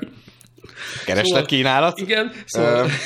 Tehát, Hol is tartottunk? Ott, hogy, ott, linkedin igen. De Re- akkor, akkor itt is lehet, hogy elérünk odáig, hogy már mondjuk egy szakmunkásnak is, akinek van egy tök jó szakmája, érdemes, hogy fönt legyen LinkedIn-en? Ö, Elérnénk odáig, hogyha nem hagynák el az országot, de biztos lesz benne, hogy fönn vannak LinkedIn-en, csak Németországban ja, dolgoznak, de nem, tehát hogy nyilván ez egy, ez egy jelenlegi probléma, ezt bízunk benne, hogy már megoldódik, és valahogy vagy itt marad, vagy visszavándorol a, a munkaerő, de ugye jelen pillanatban szakmunkásokban óriási hiány van. És, és kevesebbet is képzünk, tehát hogyha megnézed a statisztikákat, ahányan éppen most benn vannak az oktatási rendszerben, ö, akiknek majd szakmunkás végzettsége lesz, annak már most két, tehát kétszer annyi emberre lesz szükség majd öt év múlva a piacon. Uh-huh, tehát ezt nagyjából meg lehet is satszolni. Tehát még romlani fog a helyzet. Ö, de érdemes föl lenni LinkedIn-en mindenféleképpen, főleg, hogyha szellemi munkát végez az ember, és hát mit jelent az, hogy rendben van a profil? Kell, kell egy profilkép. Nem, nem kell tízezreket, tizenötezreket rákölteni, de lehetőleg ne a parti fotót tegyük fel. Ö, legyen ott azért valamilyen szakmai tapasztalat, legyen ott az iskolai végzettség, ne hogy Isten beszélünk nyelveket, akkor az mindenképpen. De ne általános iskolától legyen fölpokolva az összes himi humi. Nem nagyon érdemes, nem, nem, nem nézik. Nem Tehát úgy nem, van az, nem hogy kíváncsi rá senki. Nyilván a legerősebb és a, a lehető legkevesebb, de legrelevánsabb cuccok legyenek, mert senki nem szeret ilyen kilométereket olvasgatni. Jó, nem? ez attól függ. Ez is egy érdekes kérdés, mert ö, én amikor munkát kerestem, én próbáltam jól csinálni. Tehát, hogy e, amikor akasztják a hóhért. Tehát, amikor eljöttem a Kelly-től, és jöttem át a Randstadhoz, na, akkor az már egy teljesen más szitu volt. Ugye volt itt egy példa, hogy amikor jöttem Pestről, beadtam 50 helyre, nem volt akkor még semmilyen végzettségem, nem volt körülbelül mm, semmilyen szakirányú tapasztalatom. Tudod, ismerjük egymást ezer éve, hogyha ez nem derült volna ki még a hallgatóknak, nézőknek. Ö, minden szart csináltam életemben, voltam pultos rendezvény, szervező, Én a pénzügyi pici futár tanácsadó. jutott ma eszembe. Bringa futár is voltam, azt mindig elfelejtem volna, az is volt, tehát lényegében tényleg csak űrhajós nem, de legalább mindent az jó kevés ideig csináltam, legjobb. És akkor ebből mondjuk annyi jó volt, hogy nem volt nehéz összeírni egy önéletrajzot, hogy legalább mondjuk így egy oldal meglegyen, mert hogy ez is tök vicc, hogy hogy találkoztam olyan munkavállalóval, ahol azon küzdöttünk, hogy öt oldalba valahogy férjen már bele a szakmai tapasztalatom, mert jött egy ilyen 40 oldalas dokumentációval, ö, ami nyilván egy elrettentő már bárki számára. A, még egy pályakezdőnél meg azon szenvedtünk, hogy hogyan legyen már meg az egy oldal, úgyhogy nem a térközökkel, tehát hogy azzal játszunk, hanem hogy tényleg valami tartalmat beleerőltessünk. És például ezért van az, hogy mindig azt kell beletenni, igen, ami, ami szerinted releváns. Itt van egy olyan buktató, hogy nem biztos, hogy az a releváns, amire te gondolsz, illetve, hogyha különböző pozíciókra pályázol, akkor igenis, ugyanúgy, ahogy a honlapodat is kereső optimalizálod, az önéletrajzodat azt meg pozíció optimalizálni kell. Uh-huh. Tehát én megcsináltam azt, hogy ne csak beszéljek róla, hogy így igazából ez a helyes menete a, a, az álláskeresésnek, hogy én bejelentkeztem hat pozícióra, ahonnan egyébként a hatból azt hiszem háromra vagy négyből kaptam is visszajelzést. Tehát Volt kettő olyan köztük, hogy soha se, hírét sem hallottam többé a, a cégnek vagy a pozíciónak. És akkor kettőnél volt az, hogy hogy elmentem egész az utolsó körig, tehát igazából választanom kellett, és két teljesen különböző pozícióról volt szó. Az egyik, az egy csapatvezetői pozíció volt egy pici Dán cégnél, akik orvosokat toboroznak Dániába, szerte Európából, tehát többek közt Magyarországról is. A másik, meg ugye a, a, az első pozíción volt a Source ami egy szakértői pozíció, nem kellett embereket vezetni benne, ö, érteni kellett nagyon a toborzáshoz, és ilyen, tehát nagyjából egy ilyen projekt jellegű munka, az volt a dolgom, hogy tréneljem az embereket, betanítsam nekik a szakmát, az eszközöket kezeljem, amikkel dolgozunk, lehetőleg biztosítsam, hogy azt a, a legmagasabb szinten, leghatékonyabban használjuk, megvegyem ezeket a dolgokat, stb. Tehát teljesen különbözőek voltak, és én két teljesen különböző önéletrajzzal pályáztam. Erre lettem volna kíváncsi. Nyilván a, a, a fő pontok azok ugyanazok voltak mind a kettőben, de a, a, a sorrend például az, hogy hol mit emeltem ki jobban. Ö, betettem plusz bullet pointokat a leírás alapján, ugye megnéztem, hogy mi az, amit ők keresnek, végig gondoltam, hogy azt csináltam-e, vég, leellenőriztem az önéletrajzom, ami benne van-e, és ha nem volt, akkor beletettem. De, de nem úgy, hogy egy ö, ilyen önéletrajz V 1 pont, 62-87, és akkor beletettem egy sort, aztán átütöttem 88 és akkor utána azzal pályáztam mindenhova, hanem ezt pozíciónként megcsináltam, úgy voltak levent az önéletrajzok, hogy ez a rangstados, ez a nem tudom én, stb. Igazából e- e- ez, ez így, amivel optimalizálni tudod magadnak is. Tehát, hogy miről szól ez is, növelni az esélyeket, minél több időt ölsz bele abba, hogy, hogy, hogy passzoljon az önéletrajzod ahhoz az álláshoz, annál nagyobb az esélye, hogy megakad rajta a szeme annak, aki átnézi, aki értékeli ezeket az önéletrajzokat, és tovább visz következő lépcsőfokra. Tehát akkor nem szerencsés az, hogy na, én most leülök, és megcsinálom az univerzális, lehető legjobb önéletrajzot magamból, és akkor azt küldöm el tíz helyre, működő stratégia Én... lehet ez is, hogyha van tíz hely, amire pályáz, de hogyha eleve csak kettő pozíciót találsz, ami úgy tetszik, na ott azt mondom, hogy hogy ott, ott azon a néhány órán nem múlik, amit egyébként nem. ugye csak a gép előtt kell, a monitor előtt Igen, kell tölteni, te... meg kicsit gondolkozni, meg kreatívot használni. Azt bele kell ölni, és ezekben az esetekben igenis menj, menj keresd meg a HR-est a cégnél, és írjál neki, hogy, hogy ú, láttam, van ez a pályázat, nagyon tetszik, lehet esetleg itt, itt kérdezni most a kérdéseimet, vagy majd inter... Egyébként ez, szerintem ez egy tök jó kérdés, ilyen témaindító kérdés, hogy kérdezhetek most, vagy majd csak az interjún. És ebben szerintem még nincs olyan nagyon nagy nyomulás, de most ez, ezek megint ilyen személyes dolgok. Csomó ilyen sales technikát használunk egyébként a, a toborzásban, a fejvadászok, ami, ami, ami vannak kollégák, akiknek sok, meg vannak kollégák, akiknek nem sok, és ők azzal tudnak sikereket elérni. Akinek meg sok, az meg mással ér el sikereket. Tehát, hogy, Mindenki kicsit különböző, hál' Istennek nagyon széles eszköztárral dolgozunk, mindenki meg tudja találni azt, amivel ő sikeres tud lenni igazából a szakmában is, és az álláskeresésben is, és ez nagyon fontos. A másik, hogy nem érdemes ö, hazudni, vagy torzítani a valóságot, akár egy interjú helyzetben, akár az önéletrajzban, mert mindig kiderül. És minél később derül ki, annál nagyobb ö, tud ez az egész okozni, meg gondolj bele abba, hogy valamit bekamuzza az önéletrajzodba, és már akkor derül ki, hogy az így nincs meg, amikor már fölvettek, amikor már ott vagy a cégnél. Kínos. Senkinek nem jó. Ö, és és nem, nem nyerő stratégia, mert mit nyersz vele? Ja, felvesznek, csak a próbaidő végén, vagy rosszabb esetben alatta lendületbe is küldenek, és ott folytatod, ahol abba hagytad, csak buktál két hónapot, vagy másfél hónapot az életedből, nem éri meg. Sokkal jobb stratégia az tényleg megvárni, és addig menni előre, addig jelentkezni pozíciókra, amíg tényleg meg nem találod azt az egyet, ami, amire így érzed is, hogy ez jó lesz. Nem szabad kompromisszumokat kötni.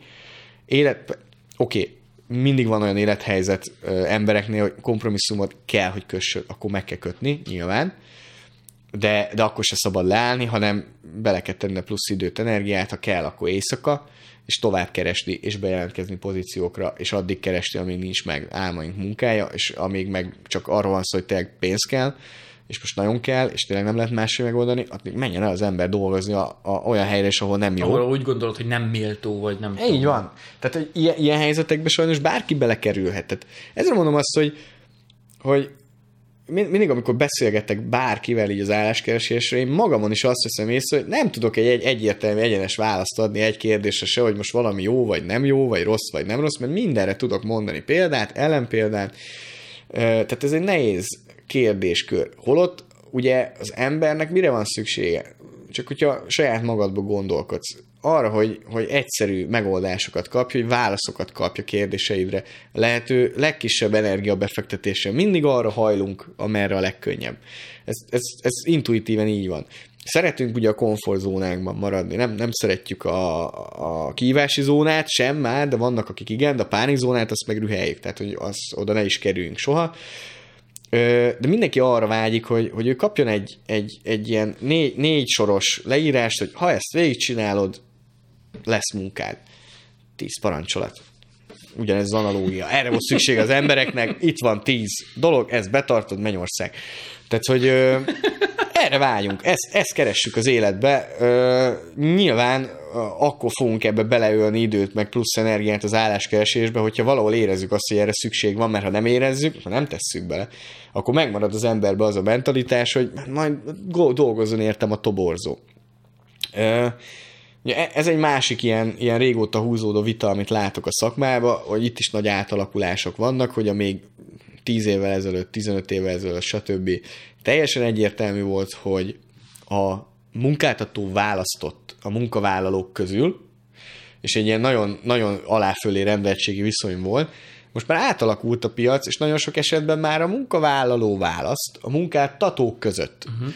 Vannak review oldalak, LinkedIn-en meg tudod nézni a, a, azt, hogy kik dolgoznak ott. Én, én azon rögtem egyszer, hogy amikor még a Kelly-nél dolgoztunk, ugye mi is próbáltuk mindig azt lecsekkolni, hogyha jött egy új ügyfél, nem szerettünk olyan ö, üzletet bevállalni, ami teljesíthetetlen. Tehát nyilván én, én, én sem vagyok hülye, nem vállalok be egy olyan ö, üzletet, ahol lehetetlen toborozni az ügyfélnek, mert, mert nagyon gáz a cég. Tehát próbáltuk ezeket kiszűrni. És nagyon jól működött az az algoritmusom, hogy amikor jött egy új ügyfél, vagy potenciális ügyfél, felmentem LinkedInre, és végignéztem a profilképeket, azok, azoknak a profilképeit, akik ott dolgoztak. És volt olyan cég, hogy te, hát rosszul éreztem magam, olyan fejet vágott mindenki, ott egy, ott egy csepp boldogságot nem találtál, de tényleg, tehát már így a, a profilképeknél elvégzett, egy másik cégnél meg ugyanígy mindenki mosolygott, örült, tehát, tehát teljesen más volt a hangulat. Kimentünk az ügyfélhez, ugyanez, átmentünk az Open Office-on, és volt olyan cég, ahol tényleg ez a, ez a temetés hangulat, hogy így, hogy így látszott az embereken, hogy persze ott vannak, meg kell a pénz, de bárhol máshol szívesebben lenne. Mint a South Parkban, tudod, a, a, az állat, a, a félig kacsa, félig ember. Na, e, igen, ez, ez ment, hogy, hogy valaki így a sarokba így, így kinyílt egy ajtórést, és így kisuttatta rajta, hogy vigyetek el, vigyetek el. Na, ott nem írtunk szerződést alá, de tudod, van az a cég, ahol meg is szívesen megy be az ember dolgozni, hát az nyilván én is szívesebben toborzok nekik. Tehát nagyon más, mások a, a céges kultúrák. Távol-keleti cég nagyon kemény. Na, oda, oda olyan ember menjen el, aki karrierista, aki, akinek nincsen még lehetőleg családja, vagy van, de leszarja, ezt, is el tudom képzelni. Hát ilyen van. Az, tehát őszinteség. Tehát erre is tudok példát mondani, ugye, hogy általános hiba szerintem a szakmában, hogy amikor olyan pozícióba keresünk embert, a, ahol 80%-át az időnek utazással kell tölteni, akkor hogyha önéletrajzban látom, hogy a jelentkezőnek családja van ö, három gyerekkel, föl se hívom. Ez, ez, ez, ez, ez nagyon sokszor megtörténik a szakmában, hogy ilyen szempontok alapján szűrünk, ami szerintem hiba, mert hogy ö, nekem volt olyan jelöltem, aki kerekperc beszélgettünk, és ilyen laza stílusban így megmondta, hogy Hát elsősorban azért, az érdekli ebbe a pozíció, hogy nagyon sokat kell utazni, hogy végre elszabadulhat otthonról és hogy így legálisan, mert hogy ezt az érvet az asszony is elfogadja, hogy hát munka van, dolgozni kell, ne arra úgy el kell repülnöm most két hétre izé, a tájföldre, és sajnálom nem tudlak vinni, és a gyerekeket se, de sok sikert, meg meg küldök haza pénzt. Ö, ez van, nem az én dolgom. Tehát, ne, tehát nyilván, nyilván én ezt elítélhetem, és családos emberként meg elképzelhetetlenek tartom, hogy valaha én így gondolkodjak, de el kell fogadni azt, hogy valaki így gondolkodik munkaerő toborzás szempontjából nem az én tisztem most egy emberről véleményt alkotni, hogy ő most jó ember, rossz ember, nem tudom, én nem így csinálnám a dolgokat a helyébe, hanem én elviszem neki az információt, hogy van ez az állás, így működik, ezeket kell tudni róla, és eldönti, hogy ez neki bejön-e vagy sem. És hogyha ő úgy dönt, hogy neki ez így oké, okay, mosom kezeim, tehát hogy legyen oké. Okay. Tehát gondoltam én azt, hogy neki ez nagyon rossz lesz, de ha, ha én minden információt elvittem neki, és tényleg el van neki mondva, tehát nem titkoltunk el semmit, a tiszta lelkismeretem, mert lehet, hogy ő tud valamit, amit én nem. Nem vagyunk minden tudóak. Ö, tehát ilyen igenis van, hogy, hogy utazás, család, stb. így bejön a képbe, és nem szabad ezek alapján szűrni. És honnan indultunk el? Ja igen, hogy a távol-keleti céges cég, kultúra, igen Ugye vár, több ismerősöm is van, tehát így közeli meg személyes ismerősöm, aki dolgozott távol-keleti cégeknél, a lelket kitapossák az emberből, de tényleg. Ugye nagyon, nagyon ilyen autoriter kultúráról beszélünk, nagyon teljesítményorientált, stb. Patriarchális. Főleg, igen. Mondjuk ez a közelkeleti, ez a patriarchális a közelkeleti cégekre is igaz, uh-huh. adódóan a, a, a felekezeti hovatartozástól, ugye szépen fogalmazzam meg a dolgot. Ö, nyilván Magyarországon nem muszlimok dolgoznak a közel-keleti cégek itteni lányvállalatainál, de a, a nagyfőnök, aki lejön, ő ezt a fajta hozzáállást nyomja lefelé, és ugye ezt figyelte meg a távol-keleti cégeknél is. hogy azt nyomják lefelé, ami föntről jön a, a külföldi vezetőktől. És nagyon sok pénzt lehet keresni, nagyon sokat lehet tanulni, fejlődni, menni előre a szakmában, de kizsigereli az embert, de van, aki ezt bírja. Van, aki erre be tud rendezkedni, és akkor ezzel párhuzamosan, vagy ezzel szemben mondjuk ott van egy skandináv kultúra, Telenor, annyira szerették a munkavállalóikat, lassan csődbe is mennek. Tehát, hogy így a világ minden pénzét elköltötték az irodaházra, hogy az ergonomikus legyen, hogy természetes fény világítson mindenhol, és Google központ csúszdán járunk, és nem tudom én, tehát ez egy másik véglet, ez egy másfajta stratégia. Itt ugye arra alapozunk, hogy, hogy megpróbálunk egy olyan környezetet teremteni a munkavállalónak, hogy ő magától akarjon dolgozni, ő magától akarjon értéket teremteni, és utána ő még jól is érzi magát, akkor talán itt is marad, tehát egy megtartás szempontjából is tök jó.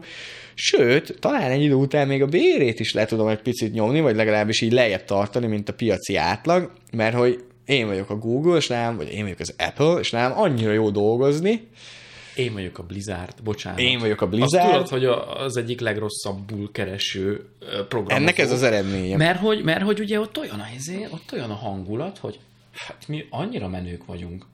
World of Warcraft, Diablo, Jó, Starcraft. Megmondom őszintén, a Blizzard azért is elvennék a fele, mostani fizetése felézét dolgozni. Igen, tehát és, én... hogy, és hogy ott konkrétan az van, hogy, hogy már az nagy szám nyilván, hogy behívnak, és amikor meg bértárgyalás van, akkor ez a azért örülhetsz, ha itt dolgozol. És a, és a legtöbben örülnek is, és elfogadják, Igen. és elmennek. Szóval ez, egy, ez egy, akkor már egy harmadik dolog. Így van, de nem le, nem, tehát előre azért lehet híreket hallani arról, hogy milyen a kultúra egy bizonyos helyen, illetve vannak ilyen review oldalak, talán az egyik legismertebb, szerintem most már Magyarországon is egyre ismertebb, ez a glass, glassdoor.com. Egyébként, ha jól emlékszem, ez még annak ideje egy ilyen Facebookos beépülő applikációként indult a Glassdoor, és onnan nőtte ki magát, de most lehet, hogy hülyeséget mondtam, de én emlékszem ilyen időszakra, hogy ez így össze volt lőve a Facebookkal, aztán külön váltak, és van ennek nyilván magyar megfelelője, az a munkahelyem.hu, vagy munkahelyek.hu, most nem tudom pontosan, ezek az oldalak arra jók, hogy anonim módon lehet ilyen értékeléseket hagyni a munkahelyről, milyen a fizu, milyenek voltak a kollégák.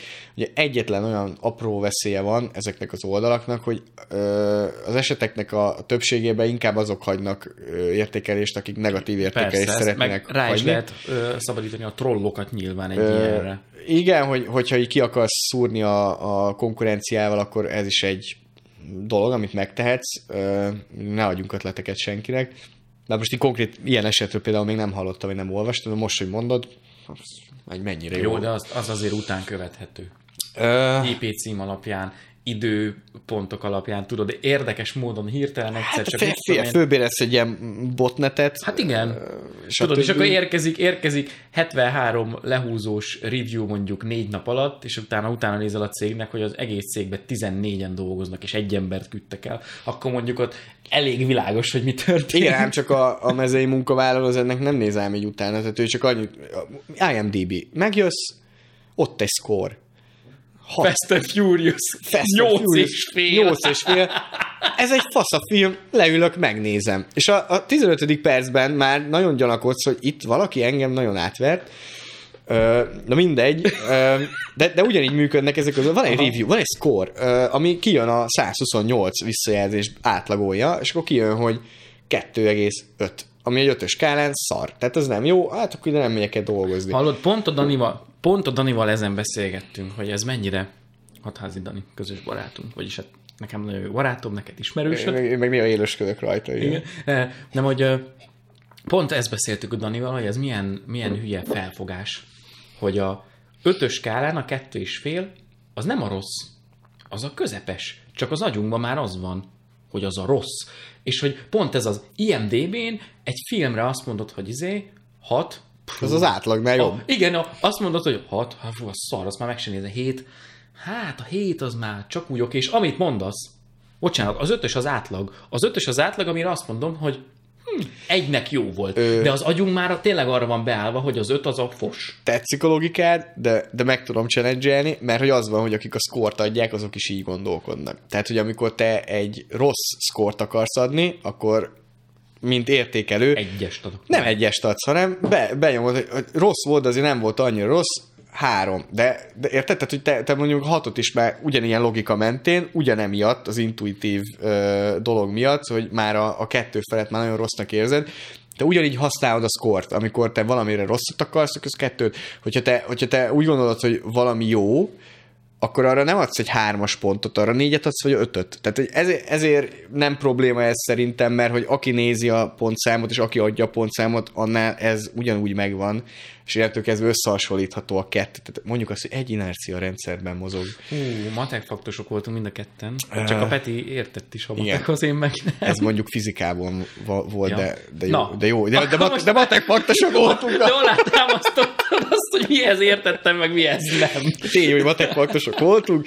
Na, ö, ö, de biztos matematikában is. területen kötöttünk, hallod? Ez milyen? Jó, én, bocsánat, én közgazdász vagyok papíromat tekintve, tehát, hogy ezen én is meglepődtem, amikor kezembe kaptam a diplomát, hogy Azt ez volt hogy beleírva. ki. Azért HR cégnél da, vagy. Jó, tudom, számokkal is foglalkozol. Controllingot csinálok, igen, többek Igen. között.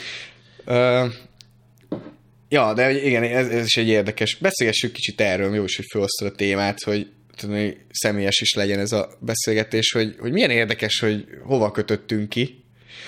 Mert hogy én is csináltam három iskolát, amiből egyet fejeztem be. Mert ugye kezd, kezdtük a közgázprogmattal, Aha. mert hogy hát matek faktosok vagyunk, és Szeged amúgy is közel van, meg a, a Tóni is oda ment. Random egy-két éve idősebb haver, akire fölnéztünk, mert ugyanabban a chat szobában volt, hát akkor menjünk mi is oda, tehát körülbelül ilyen dolgok alapján döntünk. Igen. Miért? Mert hogy csak emlékezz vissza, hogy mi, hogy, hogy amikor mi érettségiztünk, Újraírtuk. ö, Én lázasan. Akkor, akkor mi, mennyit tudtunk mi a munkaerőpiacról, vagy a, a, a munkavilágáról? Tök Halvány, lila fingunk nem volt, hogy hogy néz ki ez az egész. És nekünk már nem akkor kellett eldönteni, hogy mi mit, szere, mit szeretnénk csinálni, nagyok leszünk, amikor érettségiztünk, hanem kettő éve előtt, amikor a faktokat vettük föl, meg alapvizsgáztunk, ugye a gimnáziumban. Alapvizsga tényleg. Ugye? Amire, tehát hogy lényegében véve, onnantól kezdve, hogy te bekerülsz a gimnáziumba, neked már azon kell gondolkodnod, neked és a szüleidnek, hogy te majd mit szeretnél csinálni, ha nagy leszel. Nagyon korai. Annyira rossz. A, az összes ilyen tájékoztató a rendezvény, vagy hát nem az összes, de a nagy részük, az, az a főiskolán egyetemen történik. Engem is mindig oda hívtak. Gyere már, Peti, beszélj kicsit így a munkavilágáról, hogy így, hogy így tudjuk, hogy akkor mi vár ránk. És most gondold el a helyzetet, hogy te, el, mi is elkezdtünk járni közgáz progmatra, az jó hangzik, meg közgáz is progmat, és Játszani igazából nem tudom, számítógép. Ja, nem tudom eldönteni, mi akarok lenni, ebben van minden, jó lesz, majd menet közben valahogy kialakul, oda mentünk, baromira nem tudtuk, hogy mit kell várni az egész, és akkor mit tanultunk? Kalkulust. Uh-huh. Függvénydiszkusziót. Hát nem élvezte egyikünk se, azt hiszem ebben megegyezhetünk. Uh-huh. Csak te átmentél, nem? Ö, nem, abból egyedül megbuktam egyébként. A, a diszkrét pattek, stb. Prog, prog alap, azok mind meglettek, a kalkulus az nekem se Ez lett neked meg. Yes. Jó. jó példával járjunk elő Igen. fiatalabb nemzedékek ö, felé. Lényeg a lényegben, hogy képzeld el a szitut, ott ülsz egy egyetemen már más, második éve, próbálsz így fönnmaradni, így bulizás mellett valamit produkálni, ugye jegyek szempontjából, meg valamit így megtanulni, és oda jön egy csávó, és elkezd így, így rádobni a munkaerőpiacnak a valóságát, hogy egyébként erre van kereslet, arra nincs, ezek az emberek ennyit keresnek, azok annyit keresnek, ehhez ilyen ö, nem tudom, skillset kell, vagy attribútumok kellenek, ahhoz olyan hobbi kell, ha ez érdekel, ezt csináld, ha az érdekel, azt csinál. És ott ülsz, és két éve nyomsz bele időt egy olyan egyetem, ami ott helyben rájössz, hogy fú, ezt nagyon elszartam. Nem ott van az ideje ennek. Ez gimnáziumba el kellene menni, és már ott nem is feltétlenül a srácoknak, hanem a szülőknek elmagyarázni, hogy hogy néz ki ez az egész világ. Mert hogy azt gondolnánk, hogy hát a szülő csak tudja, hát ő már dolgozó ember. Ja, csak Aha. ő egy teljesen más világban kezdett el dolgozni, és lépett be a munkaerőpiacra, a mostaninak köze nincs ahhoz, ami 20 évvel ezelőtt volt. Hogyan tudná felkészíteni akkor egy szülő a gyerekét, ha csak nem háres? Tehát nálunk ugye egy jó pozícióba indul majd a gyerek, mert itt nagyon fasz önéletrajza lesz, tehát ha más nem is, de az, az jó lesz. Ö, de minden este sírva alszik, de az önéletrajza már most köpec. Amúgy nem. Nem. Tehát, Mindegy. tehát, tehát, tehát, hogy ott személyes példán keresztül ö, tudom ezt a legjobban bizonyítani, hogy elkezdtünk egy közgázprogmatot, mind a ketten rájöttünk, hogy hát nem biztos, hogy ez az, amivel mi így hosszú távon foglalkozni akarunk.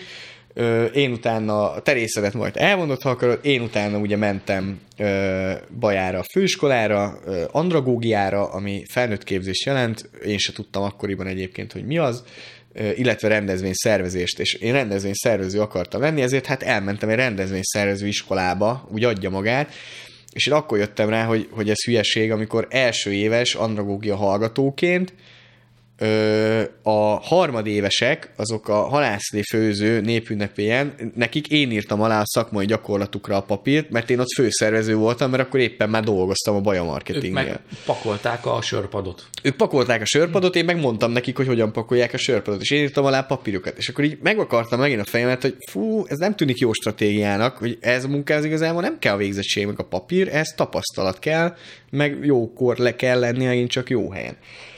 Ö, persze az andragógia nem csak erről szól, csak engem ez érdekelt belőle. Nyilván akkor azt is elengedtem. Aztán a Corvinus, meg az embererőforrások az már itt jött Pesten, és ez egy nagyon érdekes sztori, mert én ezt fölmerem vállalni, hogy következő fél, következőképpen nézett ki, hogy én hogy lettem háres, meg fejvadász, én gazdinfóra jelentkeztem Corvinusra. Miért? Mert hogy hát, ugyanaz, mint a közgázprogmat, azt már egyszer elkezdtem, hát akkor megpróbálom még egyszer.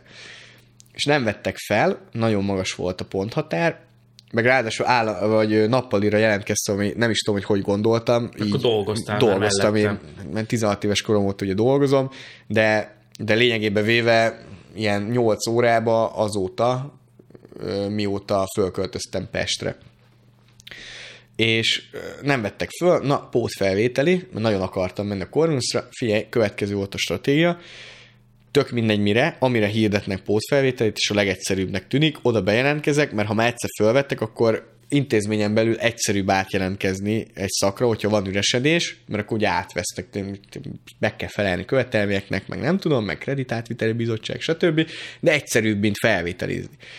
És akkor fellapoztam ugye a, a pót felvételiket, hogy miből van, nézem ember erőforrások, ó, hát ez milyen jónak néz ki, ugye emberekkel kell dolgozni, akkor eszembe jutott, hogy még amikor 11-esek voltunk, akkor ugye még a, beszéltük hogy a Pécsen van ez a FEFI, ez a, az a Felnőtt Képzés és Ember Erőforrás Tudományi Intézet, Ugye Ember Erőforrás Tényleg? Fejlesztési Intézet, még én még nyílt napon is voltam, és én azt, azt ott engedtem el, hogy, hogy mondták, hogy hát magyarból, meg töriből van felvétel. Mondtam, hogy akkor köszönöm szépen a lehetőséget.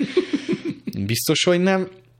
És akkor láttam, hogy ú, van ez az ember erőforrások szak a Corvinuson, izével lehet, nem tudom, matekkal, meg infóval lehet arra is felvétel, mint bármivel lehetett. Ponthatár az a, az, a, az a minimál ponthatár volt. Egyébként, amikor fölvettek, nyilván mindenkit fölvettek, fizetős volt, és levelező. Tehát ez a, ez a, ez a kimaxoltam. Tehát, hogy ahova biztosan fölvesznek, és felvettek, és elkezdtem járni, és megtetszett, és így lettem háres. Tehát, hogy ez a abszolút semmi elképzelésem nem volt erről, hogy én, én ha nagy leszek, akkor ö, toborozni szeretnék, hogy emberekkel dolgozni.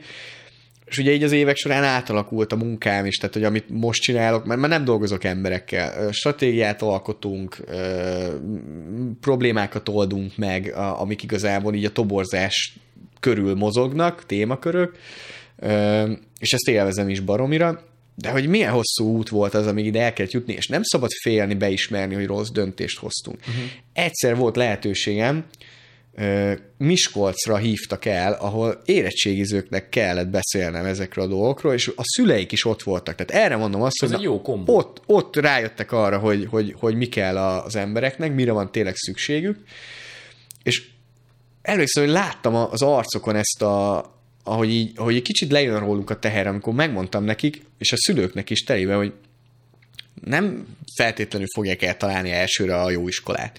Másodikra sem feltétlenül fogják eltalálni, de a jó hír az, hogy nem is kell, mert hogyha elkezd járni a gyerek egy iskolába, ami egy év, másfél év után kiderül, hogy fú, ez nagyon nem neki való, akkor nem húzni még, meg taposni, hogy de igenis nyom és ne, el kell fogadni a helyzetet, hogy ez nem neki való, nem fogja végigcsinálni, váltson iskolát, kezdjen el valami más csinálni. Ö, és a másik dolog pedig az, hogy, hogy ez nagyon klisének hangzik, de azt kell csinálnod, amit szeretsz. Ez fontos. Ha, ha te imádsz, nem tudom, tehát hogyha utálsz magolni, nem menj el jogi iskolába, akkor sem nagyon jó agyad van hozzá, mert valahol soha nem fogod szeretni azt, amit csinálsz. Ha nem szereted azt, amit csinálsz, nem leszel motivált. Ha nem vagy motivált, nem teszed bele azt a pluszt, ami megkülönböztet téged a többiektől. Ha nem teszed bele azt a pluszt, nem fogsz tudni fejlődni. És ha nem tudsz fejlődni, megállsz, stagnálsz. Nincs, Hát, hát meg amiben nem szoktak belegondolni, ugye ha nincs motiváció, akkor nem érzed magad jól a munkahelyen, és így az emberek nem szokták ezt a nagyon egyszerű matekot elvégezni, hogy van a napom 24 óra, tegyük föl, hogy 8-at alszom, tegyük föl 8 óra munka, 8 óra pihenés, 8 óra szórakozás, 8-at vagyok, család, ügyek intéze, stb. 8 órát bent ülök. Az a napom egy harmada, és hogy a napom egy harmadát pazaroljam arra, hogy rosszul érzem magam, míg a napom következő egy harmada, tegyük fel ez a tevés-vevés, az a lehet, hogy pozitív, lehet, hogy negatív, azt nem tudjuk, és a harmadik harmad, az az alvás, azt így vegyük ki az egészből, mert akkor alszom. Az lehet jó is rossz, és az tök mindegy.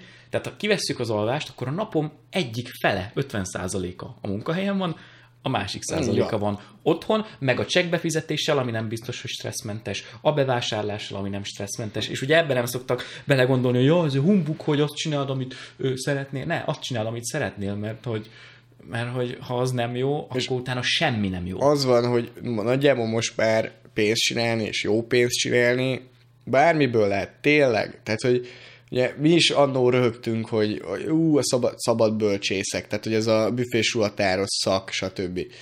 Nem, elmész, elvégzed, és utána beleteszed az időt, az energiát, kutatsz, mint tudom, történész lesz például, ugye azt is sokan nem érzik, hogy az, az hogy tud egy ilyen jól fizető szakma lenni, tud, tud az lenni, bekerülsz projektekbe, in- minőségi munkát csinálsz, miért? Mert szereted, és egyre több helyre hívnak. Lehet, hogy hosszabb az út, mint mondjuk, hogyha ö, szoftverfejlesztő mérnökként kijössz a BMR-ről, és kapásból fölvesztek egy olyan bérre, hogy ö, ugye nálunk vidéken Baján a legtöbb ember az álmodozik arról, hogy egyszer talán majd keresni, de soha nem fog egy középvezetői pozícióba, pusztán azért, mert vidék. Itt meg egy 20 éves ö, fiú-lány tök mindegy, megkapja egy programozói munkakörben, így. Azért, mert hogy megéri a cégnek, mert azzal a minimális tapasztalattal, amivel ő rendelkezik, már tud értéket teremteni, ami sokszorosan meg fog térülni. Vannak ilyen egyértelműbb helyzetek, persze, de nem kell visszariadni attól se, hogyha a gyerek, ne adj Isten, tényleg így, így szeret nagyon olvasni, és ő irodalmár akar lenni, mert ö, meg fog tudni belőle élni, és jól fog tudni belőle élni, és el fogja tudni tartani a családját. Most ez megint egy más kérdés, hogy, hogy itt mi egy közép-kelet-európai országban élünk, aztán itt olyan a munkaerőpiac, amilyen, meg olyanok a bérek, amilyenek. Nem tudni, hogy én se tudom azt, hogy, hogy mi lesz a jövője, mondjuk így a, a bérpolitikáknak. Ugye most nagyon sok helyről nyomják azt, hogy csak utól kéne érni Európát, de hát az nem úgy megy, hogy akkor holnap bejelentik, hogy akkor mindenki kétszer annyit keres és örülünk. Nyilván ennek meg kell teremteni a feltételeit. Így van. Tehát, hogy, tehát, hogyha közben tönkre megy a cég bele fél éven belül, akkor az, az nem nyert megint csak senki. Ö, tehát nyilván ez mindig benne van a pakliba, hogy vannak így a világban helyek, ahol bizonyos szakértelemmel, érdeklődési körrel könnyebb elhelyezkedni, valahol nehezebb, de ahol nehezebb, ott is el lehet. Tehát ez a fontos, ez az üzenet, hogy nem lehetetlen ö, azzal se pénzt keresni, meg jó pénzt keresni, és jól élni, hogy én igazából irodalmár vagyok, és nagyon szeretek olvasni, vagy költő vagyok, és verseket írok. Ö, bele kell tenni ugyanúgy az időt, meg az energiát. Tehát aki ugye a könnyű megélhetést keresi, az menjen el politikusnak, de ö, össze is foglaltam a véleményem erről az egész témakörről, de tényleg, tehát, hogy a, aki könnyű megélhetést keres, az, az nem fogja megtalálni sehol nagyjából. Persze mindenkinek lehet szerencséje, meg néha belecsöppenünk jó szituációkban az életbe, de nem szabad erre alapozni szerintem. Alapozni arra kell, hogy ha, ha, ha csináljam azt, amit szeretek a lányunk egyik ovis társának az apukája olyan kecóba laknak, hogy még én is megnyaltam minden tíz ujjamat, meg minden automatizálva. Ö, ő igazából abból él, hogy kereskedik.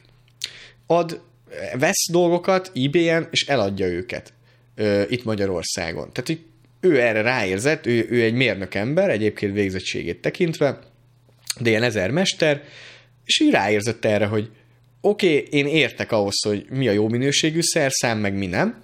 Megnézte, hogy hol lehet esetleg olcsóbban hozzájutni, mint a, ha bemész a boltba, és ott megveszed, így leakasztod és elviszed, és így hangsúlyozottan itt ilyen ipari dolgokról beszélünk, amit így napi 24 órába járatnak, tehát annak olyannak kellene, hogy ez bírja, és ő talált egy ilyen nagyon jó piaci részt, és ebből ö, nagyon-nagyon jól élnek, tehát tényleg nagyon jó körülmények között, és két-három ugyanilyen dolgot elkezdett még mellette, hogy ő csinált 3D nyomtatót, és akkor néha kinyomtati alkatrészeket pénzért, és azt küldi el, valamikor ö, éppen, nem tudom, légkondi alkatrészekkel kereskedik, mert hogy éppen az olcsó, meg azt lehet olcsó megkapni, és azt hozza be az országba, és akkor ide meg eljönnek érte van kereslet, mert vannak emberek, akiknek az eBay magas. Tehát nem, nem, nem jut el addig, hogy fölmenjen mondjuk egy eBay-re, és azt kitapasztalja, hogy lehet rajta kereskedni jól.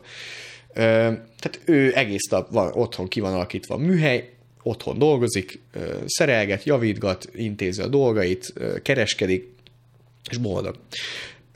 És nem kellett hozzá elmenni valami nagy multihoz, ő megcsinálta magának a szerencséjét. És nem feltétlenül kell egy nagy multinál dolgozni, az, hogy valaki jól keressen, lehet egy, egy boltban is igazából karriert építeni azzal, hogy te eladóként oda kerülsz, aztán pár év múlva és üzletvezető, üzletvezető vagy, vagy, és akkor pár év múlva megnyitod a saját kis boltodat, mert elkezdesz ráérezni arra, hogy ahogy ezt hogy kell csinálni, szerzel valahol, összekuporgatod a tőkéret, megnyitod a saját boltodat, először te vagy a saját magad alkalmazottja, aztán már van pénzed fölvenni embert, de megnyitod a második boltodat, tehát tehát ha megnézed, akkor ezek a nagy sikertörténetek ugye mindig kicsiben indulnak. Tégláról tégláról építkeznek, csak ugye ez nem annyira szexi. Nem. És ezt nem is, nem azt, hogy nem, Én azt mondanám, hogy ez szexi, Szerintem csak baromi szexi. nehéz. Baromi De nem, nehéz. Ez, ez nehéz annyira ilyen nagyon eladható köntösbe tenni, meg nyilván tudod, az a hosszú folyamat, az a, az, az átlag nézőnek, olvasónak, hallgatónak, nem tudom, amíg A-ból B-be eljut az ember, az lehet, hogy uncsi mert hogy az egy sokkal nagyobb kontraszt, hogy hú, kezdtem itt A pontba, és kezdtem itt B, hogy nem tudom, 400 négyzetméteres penthouse-on van. És wow, honnan, hova? De az, hogy amikor arról kell mesélni, hogy naphosszat, meg éjszaka számlákat írni, meg Excel táblákat tölteni, az, az a nem szexi. Az nem, de hogy az így része. És ez olyan, hogy, hogy, hogy a kudarc is része a, a tanulási görbének tehát mindig föl kell állni és tovább menni. Nem fognak összejönni elsőre a dolgok, szinte senkinek. Az, az a jellemző, hogy elsőre nem jön össze. Az a csoda, hogyha valakinek valami így, minden így elsőre összejön. Ö, mondjuk ebbe, ebbe egy fiatalnál szülőknek például hatalmas ö, szerepe van, meg nagyon sok köze van ahhoz, hogy mennyire könnyű vagy nehéz valakinek a dolga így elindulni a világban. Ö, ugye mondjuk ebből, ebből se szoktam titkot csinálni, hogy nálam azért volt egy ilyen, hogy, hogy kicsit így kilettem lökve, hogy na mennyire boldoguljál, nem tudunk támogatni, bocsi, és akkor én így megoldottam, boldogultam. Ennek volt egy olyan hatása, hogy, hogy soha nem is magam. Hát nem, soha nem is hagyatkoztál Így van, meg, meg, bele voltam kényszerítve tényleg egy olyan helyzetbe, hogy, hogy ott tétre mentek a dolgok, tehát ott, ott így nagyon oda kellett tenni magam, ez adott egy plusz motivációt. Azt nem mondanám, hogy ez egy jó stratégia, tehát hogyha lehet, akkor támogassuk a gyereket, azért, mert hogy kétesélyes volt ez. Tehát a, ott a másik oldala, hogy egyszerűen belebukok, hogy nem bírom ö, megoldani a helyzetet, nem tudom kezelni a helyzetet, és ö, az utcán kötök ki a végén, ö, vagy folyamatosan másokra kell hagyatkoznom, stb tehát kétesélyes azért az egész, nem, nem, nem szabad egyedül hagyni a gyereket, és hogyha ne egy Isten például anyagilag nem tudjuk támogatni, akkor is érdemes legalább olyan szinten, hogy menni, kérdezni, intézkedni, lögdösti kicsit, utána járni. És akkor meg is érkeztünk még egy érdekes témakörhöz, ami szinte nagyon sokszor fölmerül a szakmában, a nyelvtudásnak a, a kérdésköre ke- kell, tehát mindenféleképpen nyilván bolti eladónak megint csak nem feltétlenül van rá szüksége, bár attól függ, hol van a bolt, mert hogyha ruhákat szeretnél árulni a zarában, akkor ott például a Vörösparti téren már lehet, hogy nem árt, hogyha beszélsz angolul, sőt, sőt. Lehet, hogy, lehet, hogy csak úgy fognak fölvenni, nem tudom. De mindenképpen, hogyha szellemi munkát szeretnénk végezni, akkor angol az most már így az alap, tehát ez, ez már hosszú évek óta így van, de szerencsétlen helyzetben vagyunk, mert valamilyen európai nyelvet még érdemes mellé tudni. Ez miért van? Ez megint a globalizációnak a, a, a rák feléje, meg egy ilyen mellékhatása, hogy tök jó, Németországban a munkavállaló beszél németül, ami egy keresett nyelv, és akkor ő megtanul mellette angolul, és tök jó, meg vagyunk, ugye, anyanyelvi szinten beszél németül, az angolt felszette, az a munkavégzés nyelve, Ennyi. Franciaország ugyanez a franciával, Magyarország, beszélsz magyarul, semmilyen értéke nincs a globális piacon, mert németül kell tudnod, franciául kell tudnod, arra van igény, arra kell a kapacitás, hogy még pluszban német piacra bedolgozni, francia kollégákkal ö, dolgozni, aki meg szeret franciául beszélni adott esetben. Tehát akkor te tanulj meg angolul, mert az a közös nyelv, az az alap. És akkor mellette még tanulj meg valamilyen nyugat-európai nyelvet, ö, elsősorban Magyarországon amúgy a németnek, meg a, a németesből van azt hiszem a legtöbb, ö, nyilván még az olasz meg a spanyol elterjedtek, skandináv nyelvek azok már nagyon ritkák, ebből kifolyólag pont arra van a legnagyobb igény. Hogyha te beszélsz finnül, akkor ugyanolyan kezdő fizetést tudsz kapni angol finnel egy administratív pozícióba, mint egy informatikus. Wow. Egy fejlesztő cégnél, aki, aki csak angolul beszél. Most biztos majd ezt sokan majd küldik a kimutatást, meg a benchmarkingot, hogy ez hülyeség, de, de én láttam... Az arányokról beszélünk. Én láttam a shared services egy-két ilyen, ilyen, ilyen fizetést, hogy, hogy mik voltak, tehát ilyen bruttókat, meg láttam az informatikusoknál is, és igenis volt, hogy ugyanazon a szinten voltak. És persze mindenhol lehet többet, meg kevesebbet kapni, de egy finn, egy norvég, egy holland nyelvtudása nagyon-nagyon szép fizetés. És a, ne annyi te három nyelvet beszélsz, tehát hogy angol, német és valamilyen kicsit egzotikusabb, akkor te vagy, az, te vagy a császár, tehát biztos, hogy fogsz mindig munkát találni. A nyelvtudás az fontos, és akkor itt jön be egy, mindig egy olyan kérdéskör, kíváncsi vagyok, hogy te mit gondolsz erről,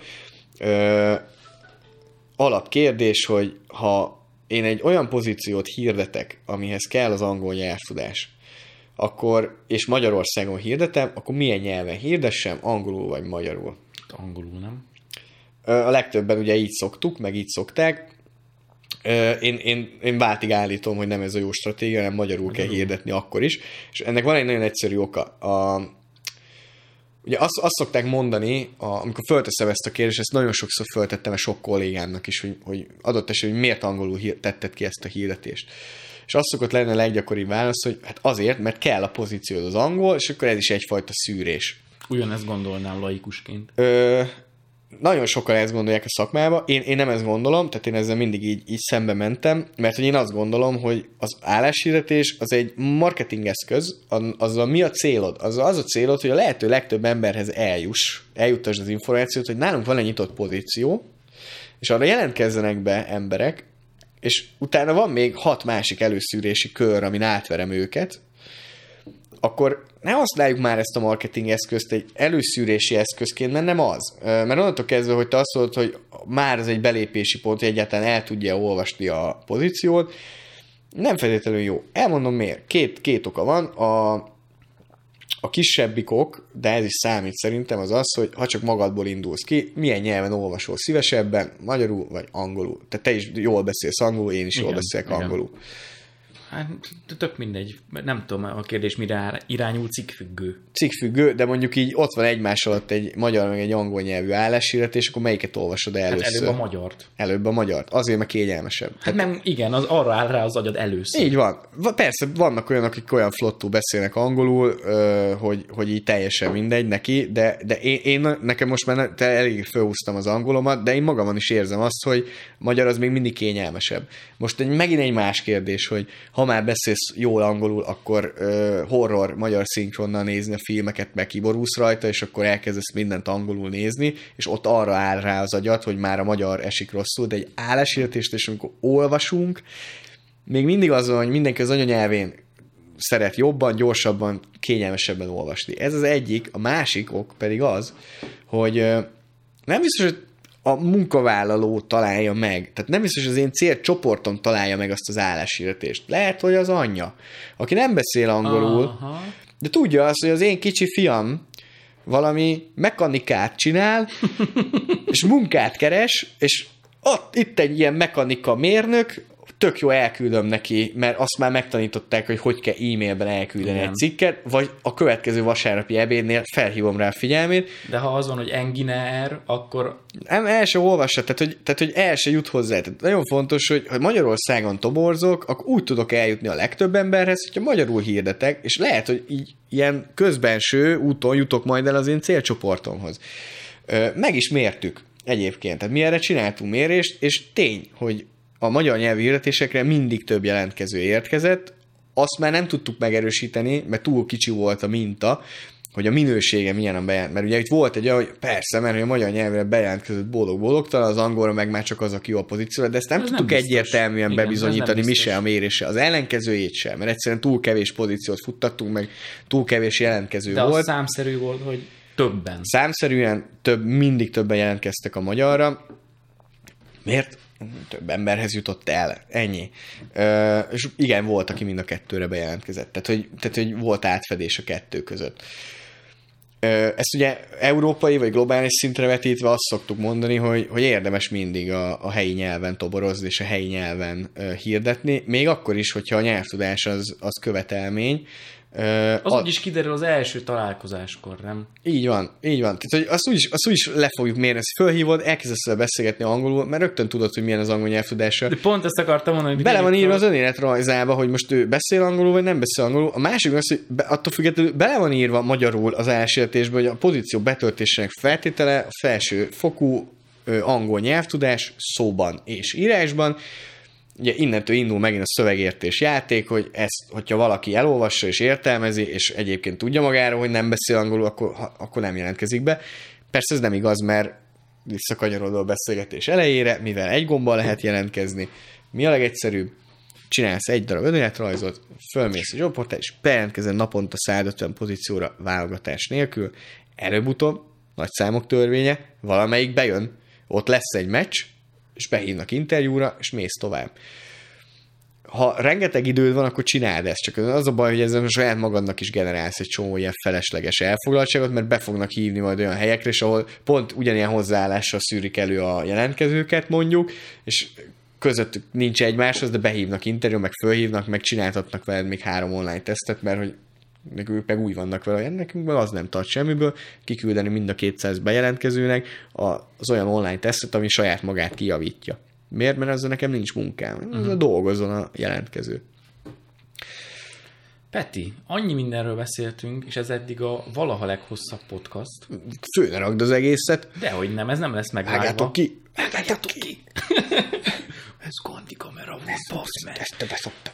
Ezt, hogyha majd leírja kommentbe az első helyes megfejtő, az kap egy szívecskét tőlem erre, hogy miből idéztünk. De hogy azt akarom mondani, hogy uh, annyi mindent tudnál még mesélni, szerintem, ami érdekelheti Bármiről? A, bármiről egyébként, ami érdekelheti a, a kollégákat, meg a nézőket, meg a bárkit, hogy szerintem kommentbe várjuk a kérdéseket, és ö, Figyelgettem majd én is őket. összegyűlik egy nagy csokor, és amikor mondjuk legközelebb jössz, és akkor azt akarják, hogy még beszéljünk erről a témáról, Ha legközelebb jössz. ha legközelebb jössz, akkor összeszedünk egy ilyen, ilyen csokrot, és akkor szépen végig megyünk rajta. Meg, Jó, meg, meg vagyok. akkor, meg ugye a legközelebbi ö, talikor, ha jössz, akkor például lehet tényleg ilyen olyan dolgokról beszélni, ami ilyen szerintem tök izgi, meg érdekes, például magáról a fejvadászatról úgy, hogy az hogy működik a gyakorlatban, hogy mire lehet oda Nagyon figyelni, mire kell, mert az szerintem tök izgi. Sőt, még azt is ö, el tudom képzelni, hogyha valaki ö, hajlandó ezt így fölvállalni, hogy, hogy elküldi az önéletrajzát, és szépen átnézzük és végigmegyünk rajta, hogy mi jó benne, mi nem. Persze nyilván úgy, hogy akkor lehet, hogy látszódni fognak ilyen személyes adatok a kamerába, tehát ezt előtte majd ki kell nyilatkozni, ez nem GDPR, probléma. Nem igen, probléma. iratunk egy ilyen Vagy kitakarjuk, tudod, így ujjammal, így profil, hogy hoppá, most egy pillanat látszott a dátum, de majd kivágjuk, vagy kikockázzuk, de de ilyen is benne vagyok. Ö, egy dolgot, azt, azt nem, tényleg ezt senkinek soha nem szoktam megírni, hogy akinek éppen nincsen munkája, akkor azzal így beszélek egy órát, és másnap lesz. lesz. Nem, nem, ez nem, nem így működik. De szerintem, aki végighallgatta ezt a beszélgetést, vagy megnézte, annak azért az világos volt, hogy ha nem rakod bele az energiát, akkor semmi nem lesz.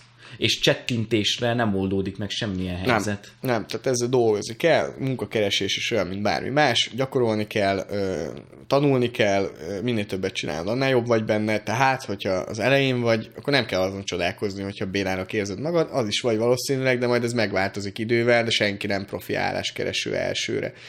Biztos vannak olyanok, akik azt hiszik, azok mindig vicces interjúk voltak, és akkor egy zárásképpen Na, a, mond- a vicces sztori, hogy még amikor Kellynél dolgoztam, akkor nálunk ez egy bevett szokás volt, hogy minden pályázótól kértünk, kértünk kettő darab referencia szemét, hát fő, nem szép, hogy darabot mondtam, de maga a referencia az darab, de hogy az emberek az fő volt, tehát hogy két, két referenciát Nem meg a kellett, vietnámi leves, igen. Nem? Fő, Ú, bocsi, csak ah, már. Késő van. Na, Igen. Ö, meg kellett adni két referencia személyt, és én akkor még tanultam a szakmát, az, úgy nézett ki, hogy benn a tapasztalt toborzó, toborzó kollégám, én meg ültem mellettek, mind a ketten a kis jegyzett füzetünk, és akkor én csak így figyeltem, ő meg interjúztatott. És ugye elmondta így az interjú elején, hogy hát, hogy kellenek ezek a referencia személyek, akkor sikerült kitölteni, igen, igen, kitöltöttem mind a kettőt, nagyon jó. Elmondtuk, hogy hát ez azért kell, mert hogyha majd eljutunk addig, hogy őt felveszik, akkor ezt föl szoktuk ezeket a referencia személyeket hívni, itt vannak a kérdések, amiket felteszünk, de teljesen transzparens volt az egész, tehát felhívjuk őket, feltesszük a kérdéseinket, ők erre válaszolnak, és ezt átküldjük a munkáltatónak, de hogy ez már egy a végső stá- státusz szokott lenni, tehát ez már csak inkább ilyen formalitás, vagy hogyha éppen tényleg az, hogy ott van két ugyanolyan ember, és nem tudnak dönteni, akkor bekérjük a referenciát, és aki jobbat kap. Ezt így végigmondtuk. Kérdés, értem, az probléma, hogy az egyik személy, akit megadtam, már nem él. és és, és ezt, ezt ül, tehát, tehát, hogy benne ülsz egy, így egy interjúszal, és akkor birki rögés nélkül egy. És, tehát, de zseniális volt a kollégának a reakció, mert, mert ő kibírta, hogy egy ilyen nagyon hal, halvány mosolyjal a száján hogy annyit mondott, hogy hát az baj. Úgyhogy akkor meg kellene adni egy másikat, ha nem gond. És még az hogy megadott a srác egy másikat, akkor átírta a papírt, odaadta, hogy tessék, és még nem bírta ki a kolléga, és azért rákérdezett, hogy ő él, és mondta a gyerek, hogy igen, jó, köszönöm. És akkor ez le volt tudva a kérdéskör, de hogy na én, én ott törtem el majdnem ennél, az, és egyébként ő életben van kérdésnél, de, de úgy ér, tehát indokolt volt, indokolt volt, éreztük, hogy meg kell kérdezni. Uh, én ezzel búcsúznék. Úristen, Peti, nagyon köszi, hogy itt voltál, és akkor a nézőknek, hallgatóknak, mindenkinek a bátorítás szól, hogy ha felmerültek kérdések, akkor le, videó alá, kommentben, mert én biztos vagyok benne, hogy ebből tudunk még csinálni legalább egy kört. Meg hát most láthatátok, milyen jó fej a Peti, úgyhogy... Hát meg engem Peti... is érdekel, hogy ki mit érdekel. Igen, meg a, meg, a, meg a Peti tud jönni nem csak munkáról beszélgetni, hanem Vovról is. Színházról is, bármiről. Tehát tényleg vidéki szintársadtok élete, ö, tau megvonás, nagyon napra kész vagyok, bármilyen. E- ezt kell fikázni, akkor arra jövök szívesen bármikor. Szevasztok! Hello.